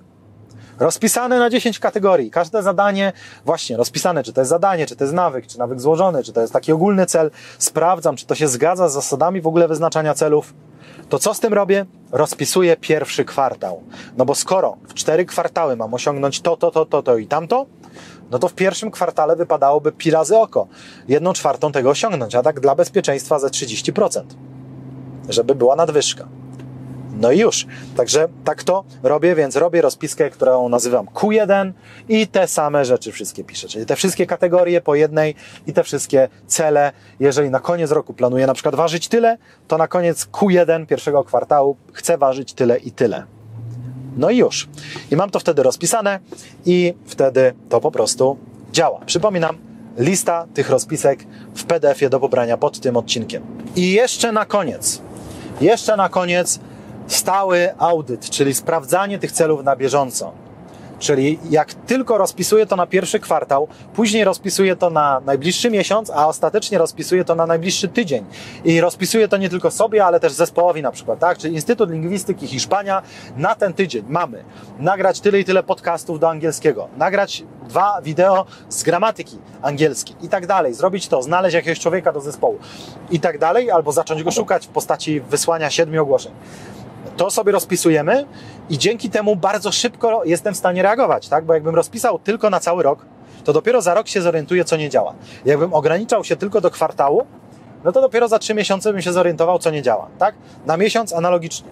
No a jak co tydzień to weryfikuję i spisuję, no to bardzo szybko reaguję na to, co nie działa. I teraz dlaczego może nie działać? Oczywiście, powodów to może być nieskończenie wiele, ale ja mam dla Ciebie szybkie 14, które mogą Ci dać do myślenia. Czemu jakiś cel nie działa Ci? Minął tydzień, dwa, dwa miesiące i nie działa to, tę listę 14 zasad e, czy rozwiązań stworzyłem w oparciu o zastanawianie się nad tymi moimi rzeczami, które właśnie nie zadziałały. Dlaczego one nie zadziałały? I tam znalazłem właśnie 14 powodów. Po pierwsze, bo to jest nawyk złożony, a nie prosty. Czyli wydawało ci się, że to jest proste, tak? Na przykład siłownia trzy razy w tygodniu. To brzmi jak prosty nawyk. Mierzalne, oczywiste, chodzić na siłownię As humans, we're naturally driven by the search for better. But when it comes to hiring, the best way to search for a candidate isn't to search at all. Don't search, match with Indeed. When I was looking to hire someone, it was so slow and overwhelming. I wish I had used Indeed. If you need to hire, you need Indeed. Indeed is your matching and hiring platform with over 350 million global monthly visitors, according to Indeed data, and a matching engine that helps you find quality candidates fast. Ditch the busy work. Use Indeed for scheduling, screening, and messaging so you can connect with candidates faster. And Indeed doesn't just help you hire faster. 93% of employers agree Indeed delivers the highest quality matches compared to other job sites, according to a recent Indeed survey. And listeners of this show will get a $75 sponsored job credit to get your jobs more visibility at Indeed.com slash podcast. That's Indeed.com slash podcast. Terms and conditions apply. Zapisać się już. Ale może się okazuje, że to jest jednak nawyk złożony, że on wymaga dodatkowej akcji, bo ty nie masz kiedy iść na tę siłownię. Może musisz zmienić tryb pracy, może godziny pracy. Może, żeby móc iść na siłownię, potrzebujesz w ogóle zmienić siłownię, tak? Bo tam ta siłownia jest za daleko. A może potrzebujesz kupić sprzęt, bo masz miejsca trochę w piwnicy i tam sobie będziesz robić siłownię. A być może potrzebujesz zagadać do jakiegoś trenera, którym, z którym będziesz umówiony zawsze na poniedziałek, środę i piątek na godzinę 12, bo wtedy jesteś umówiony, więc płacisz za to, więc zawsze się tam stawisz. No bo jak umówione, zapłacone, no to nie ma ucieczki, tak? No i wtedy to jest całkiem inna sprawa, czyli nawyk, który się wydawał prosty, pójść na siłownię, zapisać się, kupić karnet, okazał się nawykiem złożonym. Takie może być jedno z 14 wyjaśnień. No, z 14 przykładowych, bo pewnie jeszcze jakieś inne przyjdzie Ci do głowy. Drugie wyjaśnienie, bo to nie jest Twoje. W sensie, no chcę to wdrażać, ale tak naprawdę to chyba nie chcę. U mnie tak było w wypadku na przykład jazdy na rowerze. Kupiłem rower, stwierdziłem, będę jeździć na rowerze, Pojeździłem parę razy, potem stwierdziłem, a jeszcze się pozmuszam, pozmuszam, ale w końcu stwierdziłem, kurczę, no nie lubię tego. W porównaniu do treningu na przykład na siłowni albo do jogi, to ten rower mnie po prostu wkurza. Od samej logistyki, że go trzeba wsadzić jakimś cudem do auta, żeby w ogóle przejechać w miejsce, gdzie jest sens jeździć na rowerze, bo po drodze to mnie nie kręci. I potem jechać, a to z kręgosłup. Nie, nie lubię. Po prostu nie lubię i akceptuję, że nie lubię. Mimo, że zmarnowałem tyle pieniędzy na rower ale nie będę wszedł w zaparte. Skoro nie jest to moje, to nie będę płakać. Tak samo wymyśliłem sobie jakiś w zeszłym roku na liście celów, miałem, żeby otworzyć w dwóch językach kanały bardziej filozoficzno-psychologiczne o duchowości, o rozwoju, o, o śmierci i tak dalej, bo takimi tematami również się interesuję. No i zrobiłem to.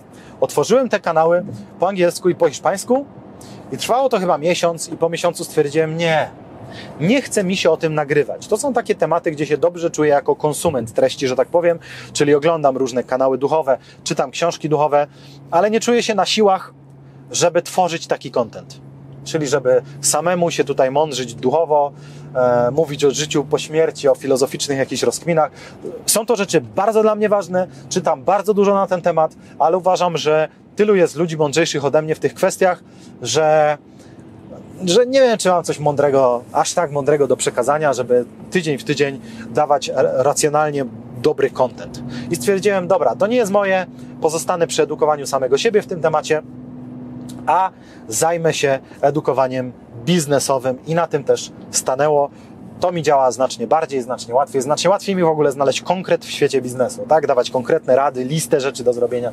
Takie to jest dla mnie bardziej namacalne i łatwiej, dlatego też mi się tą wiedzą dzielić. Bo tak wiesz, w temacie filozoficznym to by nie był odcinek, jak zaplanować cele, co jest, jak widzisz, bardzo konkretne, tylko byłby temat, jak być szczęśliwym. No i co ja ci mam powiedzieć? Jak być szczęśliwym? No to, to pytanie ma pewnie ze 2 miliony odpowiedzi. Dobra, Czyli to może być nie Twoje, albo w ogóle jest bez sensu. Na przykład, tak jak wspomniałem, ta moja podróż do Portugalii. Nie wykonałem jej świadomie, bo stwierdziłem, jak ja tam mam jechać i, i pajacować e, w tych śmiesznych strojach i do tego nie wejść tutaj do, do żadnego miejsca rozrywkowego, a w sobotę i niedzielę to nie można w ogóle wyjść z domu, bo coś tam bez sensu. To ma być rekreacja nielogiczne. Także czasem coś po prostu nie ma sensu, jakiś cel traci sens dla Ciebie. Punkt trzeci. Czemu nie wychodzi? A może wychodzi, tylko nie w takiej mierze, tak? Na przykład, jak ja miałem plan e, zrobić pierwszy wywiad w życiu po portugalsku, co też poczyniłem pod koniec zeszłego roku, to rozpisałem sobie, że potrzebuję 10 godzin z obcokrajowcami, żeby się przygotować. Nie zdążyłem, nie było czasu, miałem chyba dwie te godziny, ale też dlatego trochę, że po drugiej godzinie stwierdziłem, kurczę, w sumie jestem już gotowy po co mi te dodatkowe 8, tylko dlatego, że sobie rozpisałem cyfrę, liczbę 10. Bez sensu. No to nie będę szedł w zaparte i tracić kolejnych 8 godzin, skoro czuję się gotowy. No i zrobiłem i przeżyłem, wszyscy przeżyli, widzowie też przeżyli, także chyba nie było źle. No i tak to po prostu działa, więc czasem niektóre rzeczy robisz, ale nie tak dużo. Być może to jest ok, nie ma w tym żadnego problemu. A być może Wymaga to rzeczywiście interwencji, tak? Bo jak chciałeś chodzić na siłownię trzy razy w tygodniu, a chodzisz raz na dwa tygodnie, to już jest postęp, ale jednak to wymaga dodatkowej interwencji, zastanowienia się, co dodatkowo trzeba zmienić, co nie działa. Kolejna czwarta rzecz to jest, bo zapominam. Jakkolwiek się to wydaje dziwne, że można zapomnieć o rzeczach, które są dla ciebie życiowo ważne. Ale w tych czasach można, ponieważ jest tyle tych rzeczy życiowo ważnych, że można naprawdę zapomnieć, że się chciało iść na siłownię dziś. A jak ci się przypomni w środku dnia, jak już nie masz stroju, no to, to lipa. No chyba, że chodzisz do mojej siłowni Sharks Bay. Jedynej siłowni w tym kraju, gdzie stroju mieć nie musisz, bo mamy dla ciebie stroje w każdym rozmiarze. Ale, e, ale jak nie, no to, to co? To wtedy nie ma jak iść ćwiczyć. Także widzisz, więc można zapomnieć. I wtedy, jak, za, jak to jest problemem, tak, że zapominasz, no to rozwiązaniem jest. E, a, dam Ci jeszcze przykłady, czego my zapominamy. Na przykład, my regularnie zapominaliśmy robić fotkę na Instagrama. Zawsze nam Karol, mój wspólnik, pisał: Jak jedziecie w trasę, wróćcie z fotkami na Insta. A ja taki jestem nieinstagramowy chłopak, że to w ogóle jakoś zawsze umykało i zawsze zapominaliśmy. I w końcu stwierdziliśmy, że okleimy gdzieś tam sprzęty jakimiś tam naklejkami z logiem Instagrama, potem jakieś przypomnienia jeszcze dodatkowe i w końcu zaczęło to działać, mniej lub bardziej. No teraz już nawet bardziej. Także no teraz to już w ogóle działa, bo stało się takim nawykiem, że jak robimy wywiad, to jest taki automat, że na koniec wywiadu to jeszcze zdjęcie i potem przed autem drugie zdjęcie, ale chwilę to trwało, zanim to wypracowaliśmy, bo rzeczywiście przez wiele miesięcy wracamy od gościa i myślimy sobie, kurczę, nie mamy fotek. Żadnej fotki nie mamy i trzeba będzie wycinać z filmu.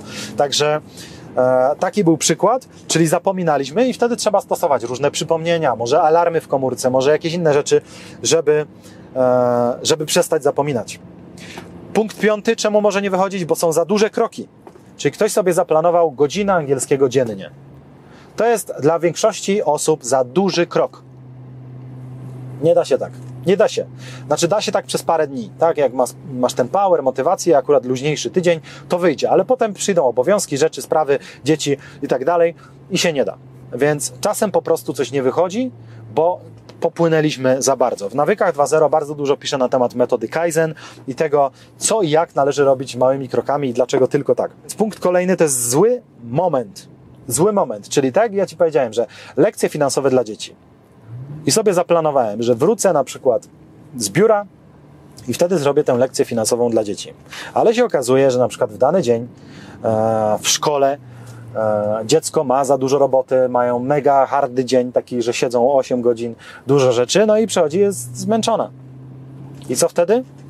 Wtedy nie zrobię lekcji finansowej, no bo zawracać gitarę wtedy, albo na przykład, że się dzieci umówią ze znajomymi dziećmi, albo na żywo, albo gdzieś tam na jakieś inne rzeczy, albo nie wiem, na wspólne granie online w Robloxa i tyle. No i co? Ja wtedy mam powiedzieć, nie, nie, nie, nie będziecie ze znajomymi teraz grać, E, bo teraz ja tu wam będę robić lekcję finansową.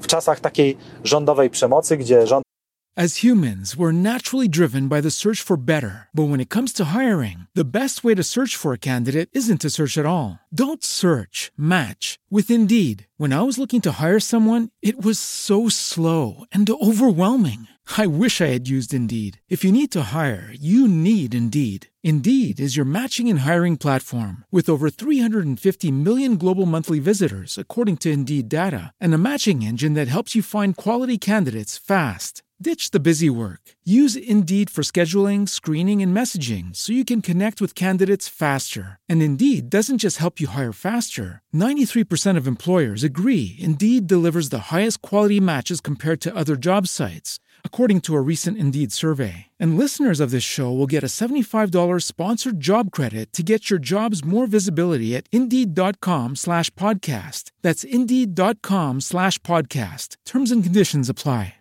Przemocą zabrania dzieciom chodzenia do szkoły, e, ku szkodzie wszystkich, no to ja wiem, że ten niedobór znajomych przez te wszystkie lockdowny jest tak duży, że to jest ważniejsze. Ważę to na takiej wadze i stwierdzam, lekcja finansowa jeszcze z tym przeżyjemy. Chwilę. Poczekamy, zrobimy to przy okazji, może w weekend, jak będziemy w trasie, to sobie pogadamy. To może poczekać, a niedobory kontaktu z rówieśnikami są tak duże przez te zbrodnicze rządy światowe i lockdowny, że no, niestety, ale to trzeba wykorzystywać okazję, żeby to nadrabiać, nawet w takiej formie, że oni se grają online, ale ze sobą są połączeni wtedy, bo gadają wymieniają się uwagami, gadają, śmieją się wspólnie i tak dalej. Także czasem jest po prostu zły moment i trzeba znaleźć inny moment na to, tak? Czyli dobra, nie robię tego, bo w ten dzień to jest po prostu nierealne. Trzeba to robić w inny dzień. Ósma, ósmy punkt to są czynniki zewnętrzne. Tak, czyli właśnie wyznaczyłeś sobie cel, żeby twój mąż przestał palić. No i co? Nic nie zrobisz. Więc jeżeli taki jest twój cel, który jest zależny od czynników zewnętrznych, to czym prędzej go skasuj. E, punkt dziewiąty to jest rzecz nierealna. Rzecz nierealna, czyli na przykład ja sobie wymyśliłem, że e, jeden dzień weekendowy na każde dwa miesiące będę spędzać sam na sam z jednym dzieckiem, tak? czyli gdzieś taki dzień ojca z synem i osobno dzień ojca z córką. No ale potem się okazało, że dni weekendowych jest e, tylko 8 w miesiącu, a wtedy są największe możliwości na wycieczki rodzinne. No i wtedy tak naprawdę co my mamy robić? Dzielić się specjalnie, e, rozdzielać tą rodzinę, skoro akurat mamy możliwość pojechania gdzieś, e, zwiedzenia i tak dalej, wszyscy razem i my będziemy na siłę teraz się rozdzielać, żeby, e, żeby co? Nie wiadomo za bardzo, a w tygodniu z kolei, no to wiadomo, szkoły, przedszkola, więc te, też nie jest to realne, żeby zrobić dzień e, ojca z synem, ojca z córką, no i trzeba było taki cel w ogóle prze, przemielić, prze, przemieniać na na przykład wieczór ojca z synem, ojca z córką, to już stało się realne, tak? Czyli niektóre nasze cele po prostu są nierealne, ale w momencie planowania ich nie wiedzieliśmy o tym. Punkt dziesiąty. Zła ekipa. Tak, czyli chcemy osiągnąć jakiś cel, ale on w tej ekipie jest nierealny, tak? Czyli ja mam na przykład cel Instytut Lingwistyki w Hiszpanii, żeby się rozwijał i tak dalej, miał tyle i tyle kursów, ale potem się okazuje, że na przykład zatrudniamy jakiegoś człowieka, który tam sieje ferment. Na zasadzie jest powolny. Mieliśmy na przykład taką ekipę do tworzenia takich hiszpańskich podcastów. Od pierwszego dnia byłem na nie. Ponieważ tam bardzo szybko, w zasadzie już e, po momencie współpracy, już się zaczęły wymówki. Jak oni mi powiedzieli, że teraz nie nagrają, bo jest nowa fala pandemii i jedyną możliwością byłoby spotkać się, bo tam dwie osoby miały nagrywać, dziewczyna i chłopak. A to nie była dziewczyna tego chłopaka, więc oni nie mieszkali ze sobą i tak dalej. I ta, w związku z czym ta dziewczyna, nie znająca tego chłopaka, powiedziała: To my musimy nagrywać online, bo przecież się nie spotkamy. Ja mówię: Dobra. Dwudziestokilkuletnia dziewczyna i ona się nie spotka. Ona tam jest sama, ponieważ ona jest ekspatką, tak zwaną, mieszka w Indonezji. Czyli to nie jest tak, że ona tam ma babcię i ona się boi, że się zarazi i przekaże tej babci, tylko ona się boi, że po prostu ona jutro umrze. Ja mówię, ale no nie nagramy tego online, bo jakość tego podcastu będzie słaba, no. A konfiguracja tego sprzętu, spotkajcie się, nagrajcie. To ona mówi, dobra, to będziemy nagrywać w maseczkach. To już było za dużo.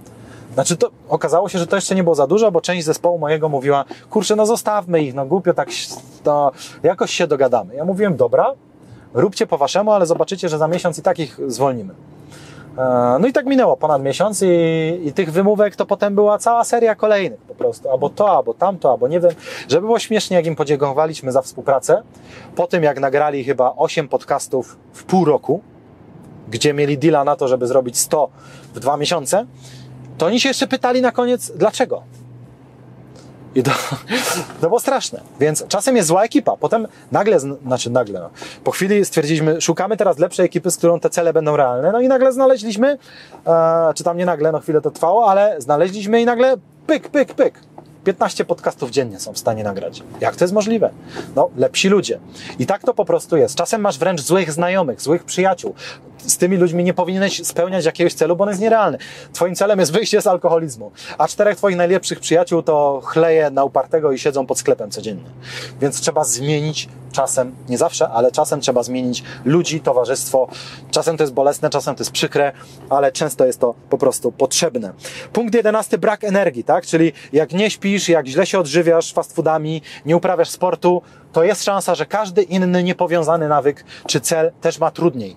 Nie tylko trudniej zadbać o wagę, ale też o naukę angielskiego, ale też o, nie wiem, naukę obsługi podnośnika hydraulicznego, czy cokolwiek innego. Trudniej się biznes robi, ponieważ jak te rzeczy nie są spełnione, brakuje energii, jest zła energia, to wszystkie inne rzeczy robi się trudniej. Punkt dwunasty to jest nuda, czyli niektóre niektórych rzeczy, zadań czy nawyków nie robimy, bo one są po prostu nudne jak flaki z olejem. Mam taki przykład jak testament, tak? Pisanie testamentu. No, komu się chce pisać testament? Wow, jutro wstaję, piszemy testament, yeah!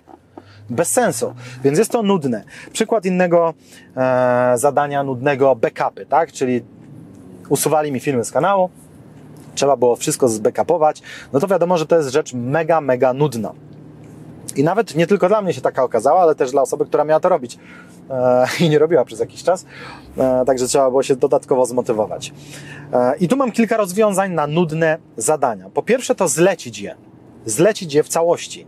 Na przykład, jak jakieś tam e, mieszkania kupiłem na, najpierw na wynajem, ale potem stwierdziłem, że jednak na flipa będą lepsze, ale były do remontu. I to dość mocnego.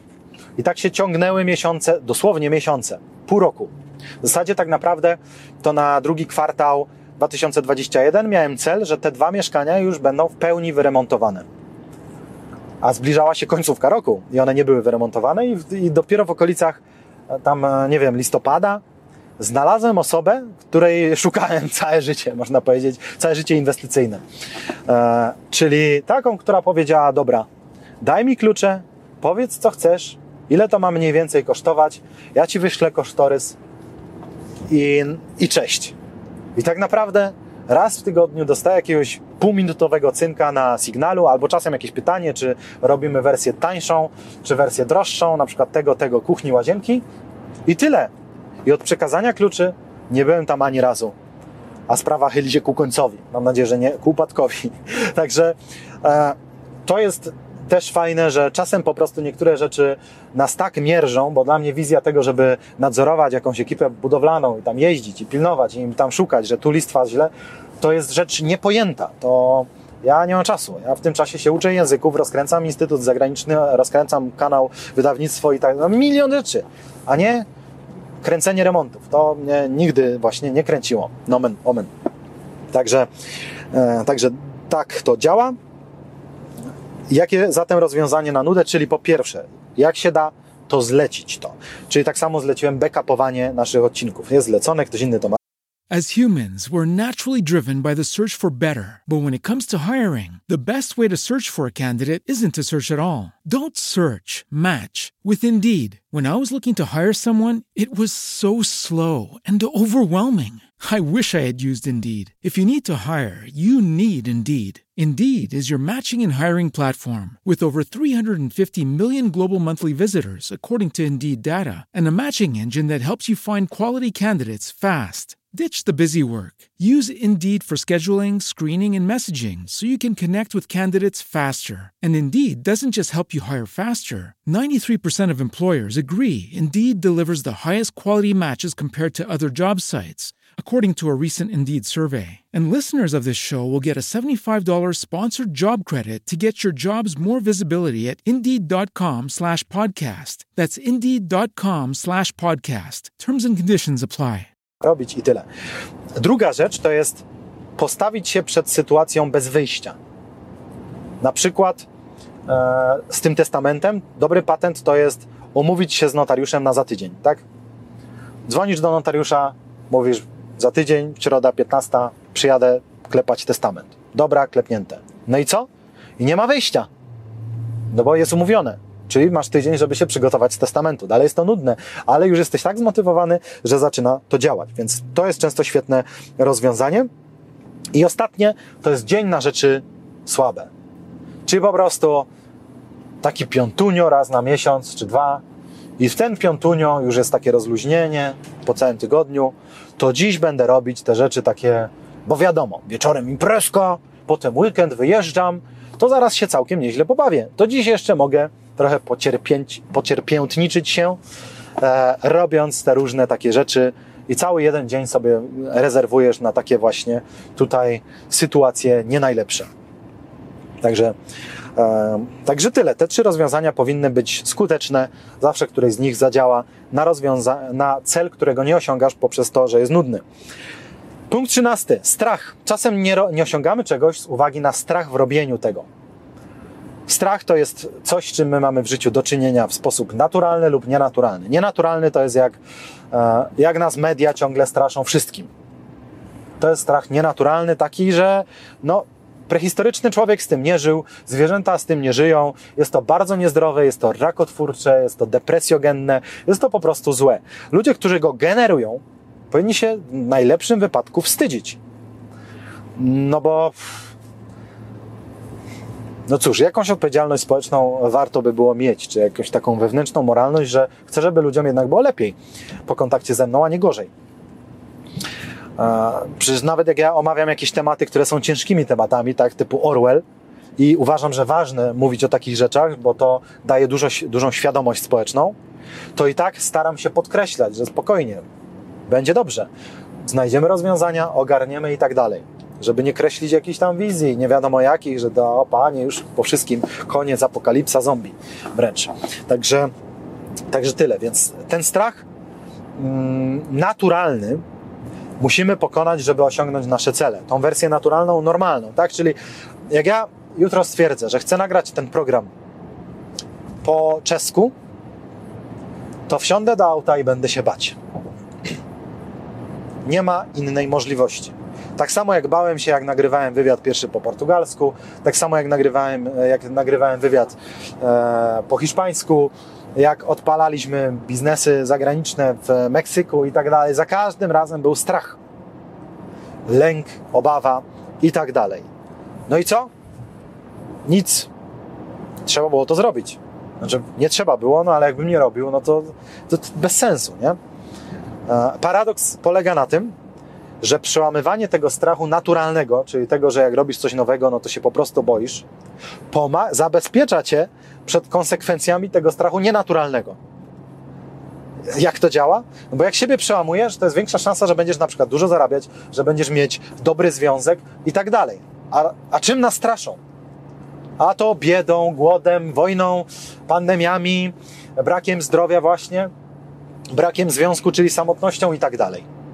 Czyli tymi rzeczami, które, przed którymi się można zabezpieczyć właśnie w zasadzie wyłącznie przełamując strach, tak? Bo żeby tworzyć dobry związek, trzeba najpierw się przełamać i podejść do tej odpowiedniej osoby gdzieś tam i też się człowiek boi na początku, a to wstydzi, a to nie wie, jak zostanie odebrany, bo już trzy razy został źle odebrany w podobnych sytuacjach i tak dalej, no ale idziesz, robisz swoje. Tak samo robisz biznes, szukasz wspólnika, szukasz może inwestora e, albo szukasz klienta, no to gadasz z tym klientem, może nagrywasz wideo po raz pierwszy, to się boisz, wrzucasz się na TikToka i tak dalej.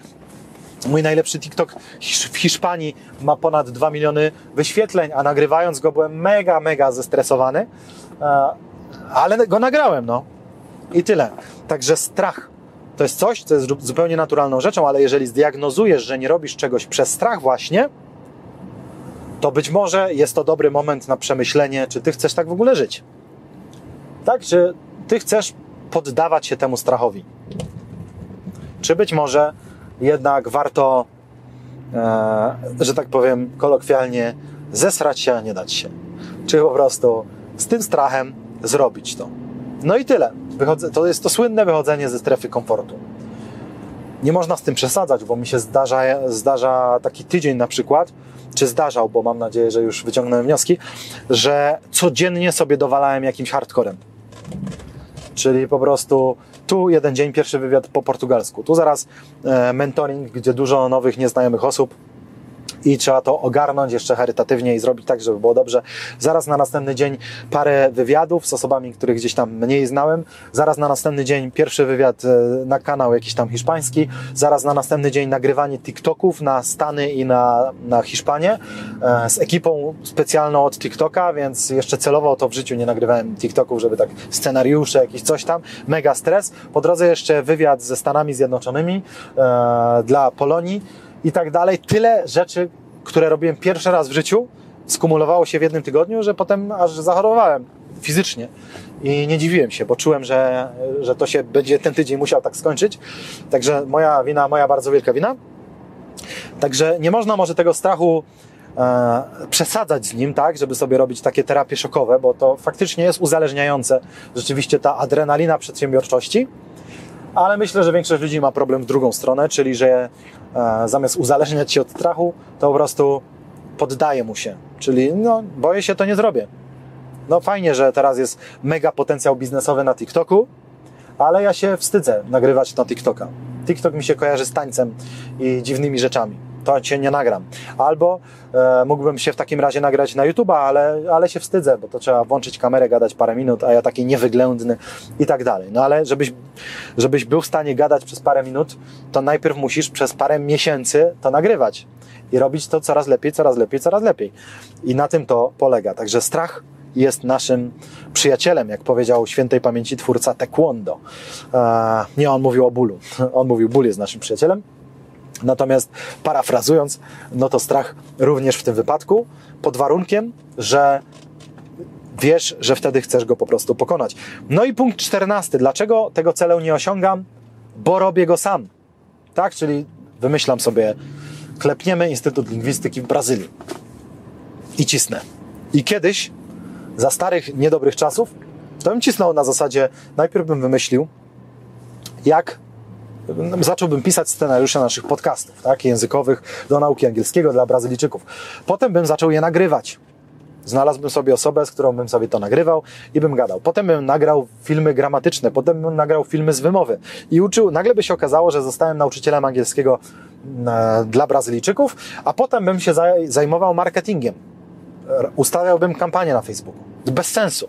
I potem się dziwiłbym, czemu to nie wyszło. Czemu minął rok i jakoś ten As humans, we're naturally driven by the search for better. But when it comes to hiring, the best way to search for a candidate isn't to search at all. Don't search, match with Indeed. When I was looking to hire someone, it was so slow and overwhelming. I wish I had used Indeed. If you need to hire, you need Indeed. Indeed is your matching and hiring platform with over 350 million global monthly visitors, according to Indeed data, and a matching engine that helps you find quality candidates fast. Ditch the busy work. Use Indeed for scheduling, screening, and messaging so you can connect with candidates faster. And Indeed doesn't just help you hire faster. 93% of employers agree Indeed delivers the highest quality matches compared to other job sites, according to a recent Indeed survey. And listeners of this show will get a $75 sponsored job credit to get your jobs more visibility at Indeed.com slash podcast. That's Indeed.com slash podcast. Terms and conditions apply.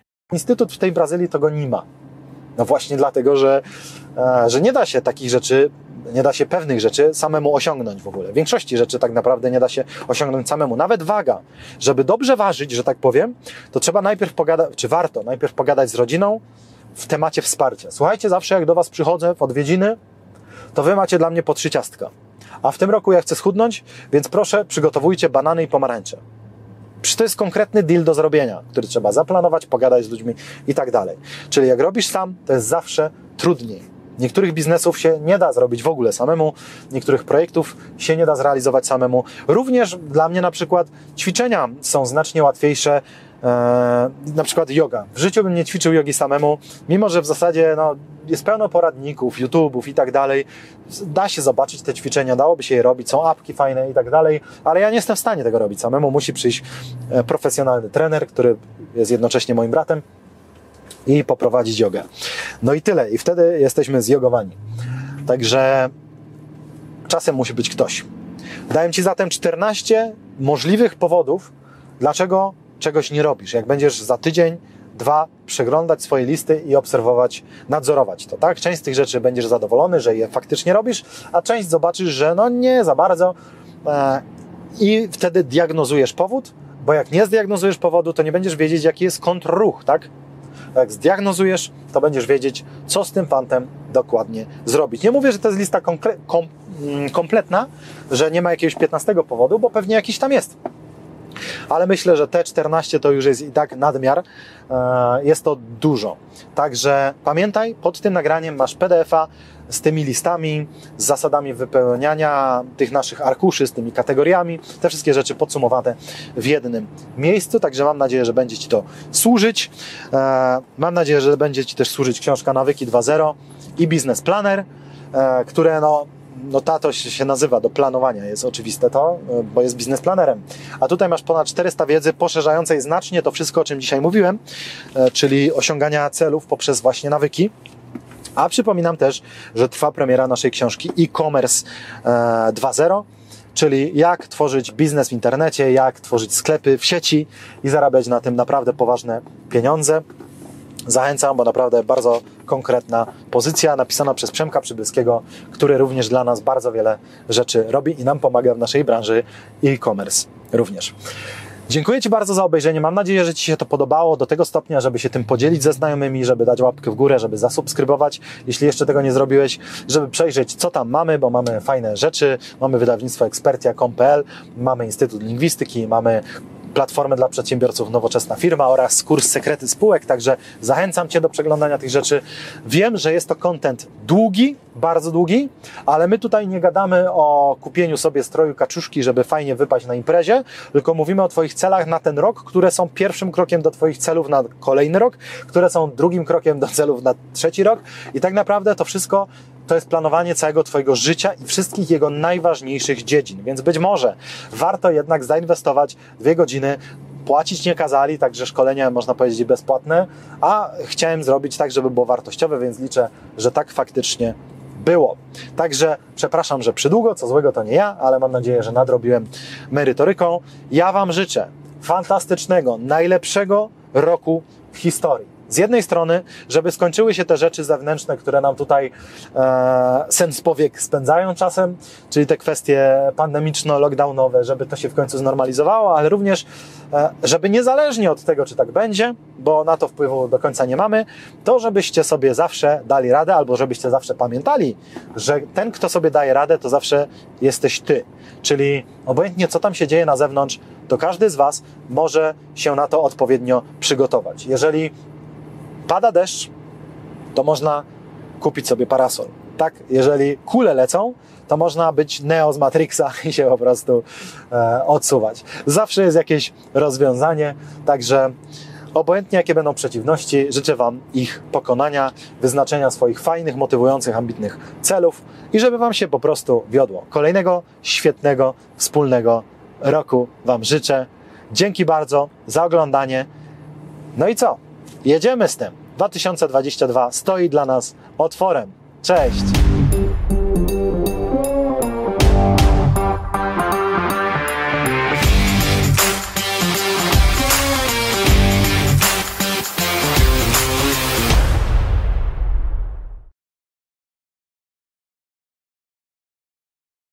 As humans, we're naturally driven by the search for better. But when it comes to hiring, the best way to search for a candidate isn't to search at all. Don't search, match with Indeed. When I was looking to hire someone, it was so slow and overwhelming. I wish I had used Indeed. If you need to hire, you need Indeed. Indeed is your matching and hiring platform with over 350 million global monthly visitors, according to Indeed data, and a matching engine that helps you find quality candidates fast. Ditch the busy work. Use Indeed for scheduling, screening, and messaging so you can connect with candidates faster. And Indeed doesn't just help you hire faster. 93% of employers agree Indeed delivers the highest quality matches compared to other job sites, according to a recent Indeed survey. And listeners of this show will get a $75 sponsored job credit to get your jobs more visibility at Indeed.com slash podcast. That's Indeed.com slash podcast. Terms and conditions apply. Lucky Land Casino asking people what's the weirdest place you've gotten lucky? Lucky? In line at the deli, I guess? Aha, in my dentist's office. More than once, actually. Do I have to say? Yes, you do. In the car before my kids' PTA meeting. Really? Yes. Excuse me, what's the weirdest place you've gotten lucky? I never win and tell. Well, there you have it. You can get lucky anywhere playing at LuckyLandSlots.com. Play for free right now. Are you feeling lucky? No purchase necessary. Void where prohibited by law. 18 plus. Terms and conditions apply. See website for details.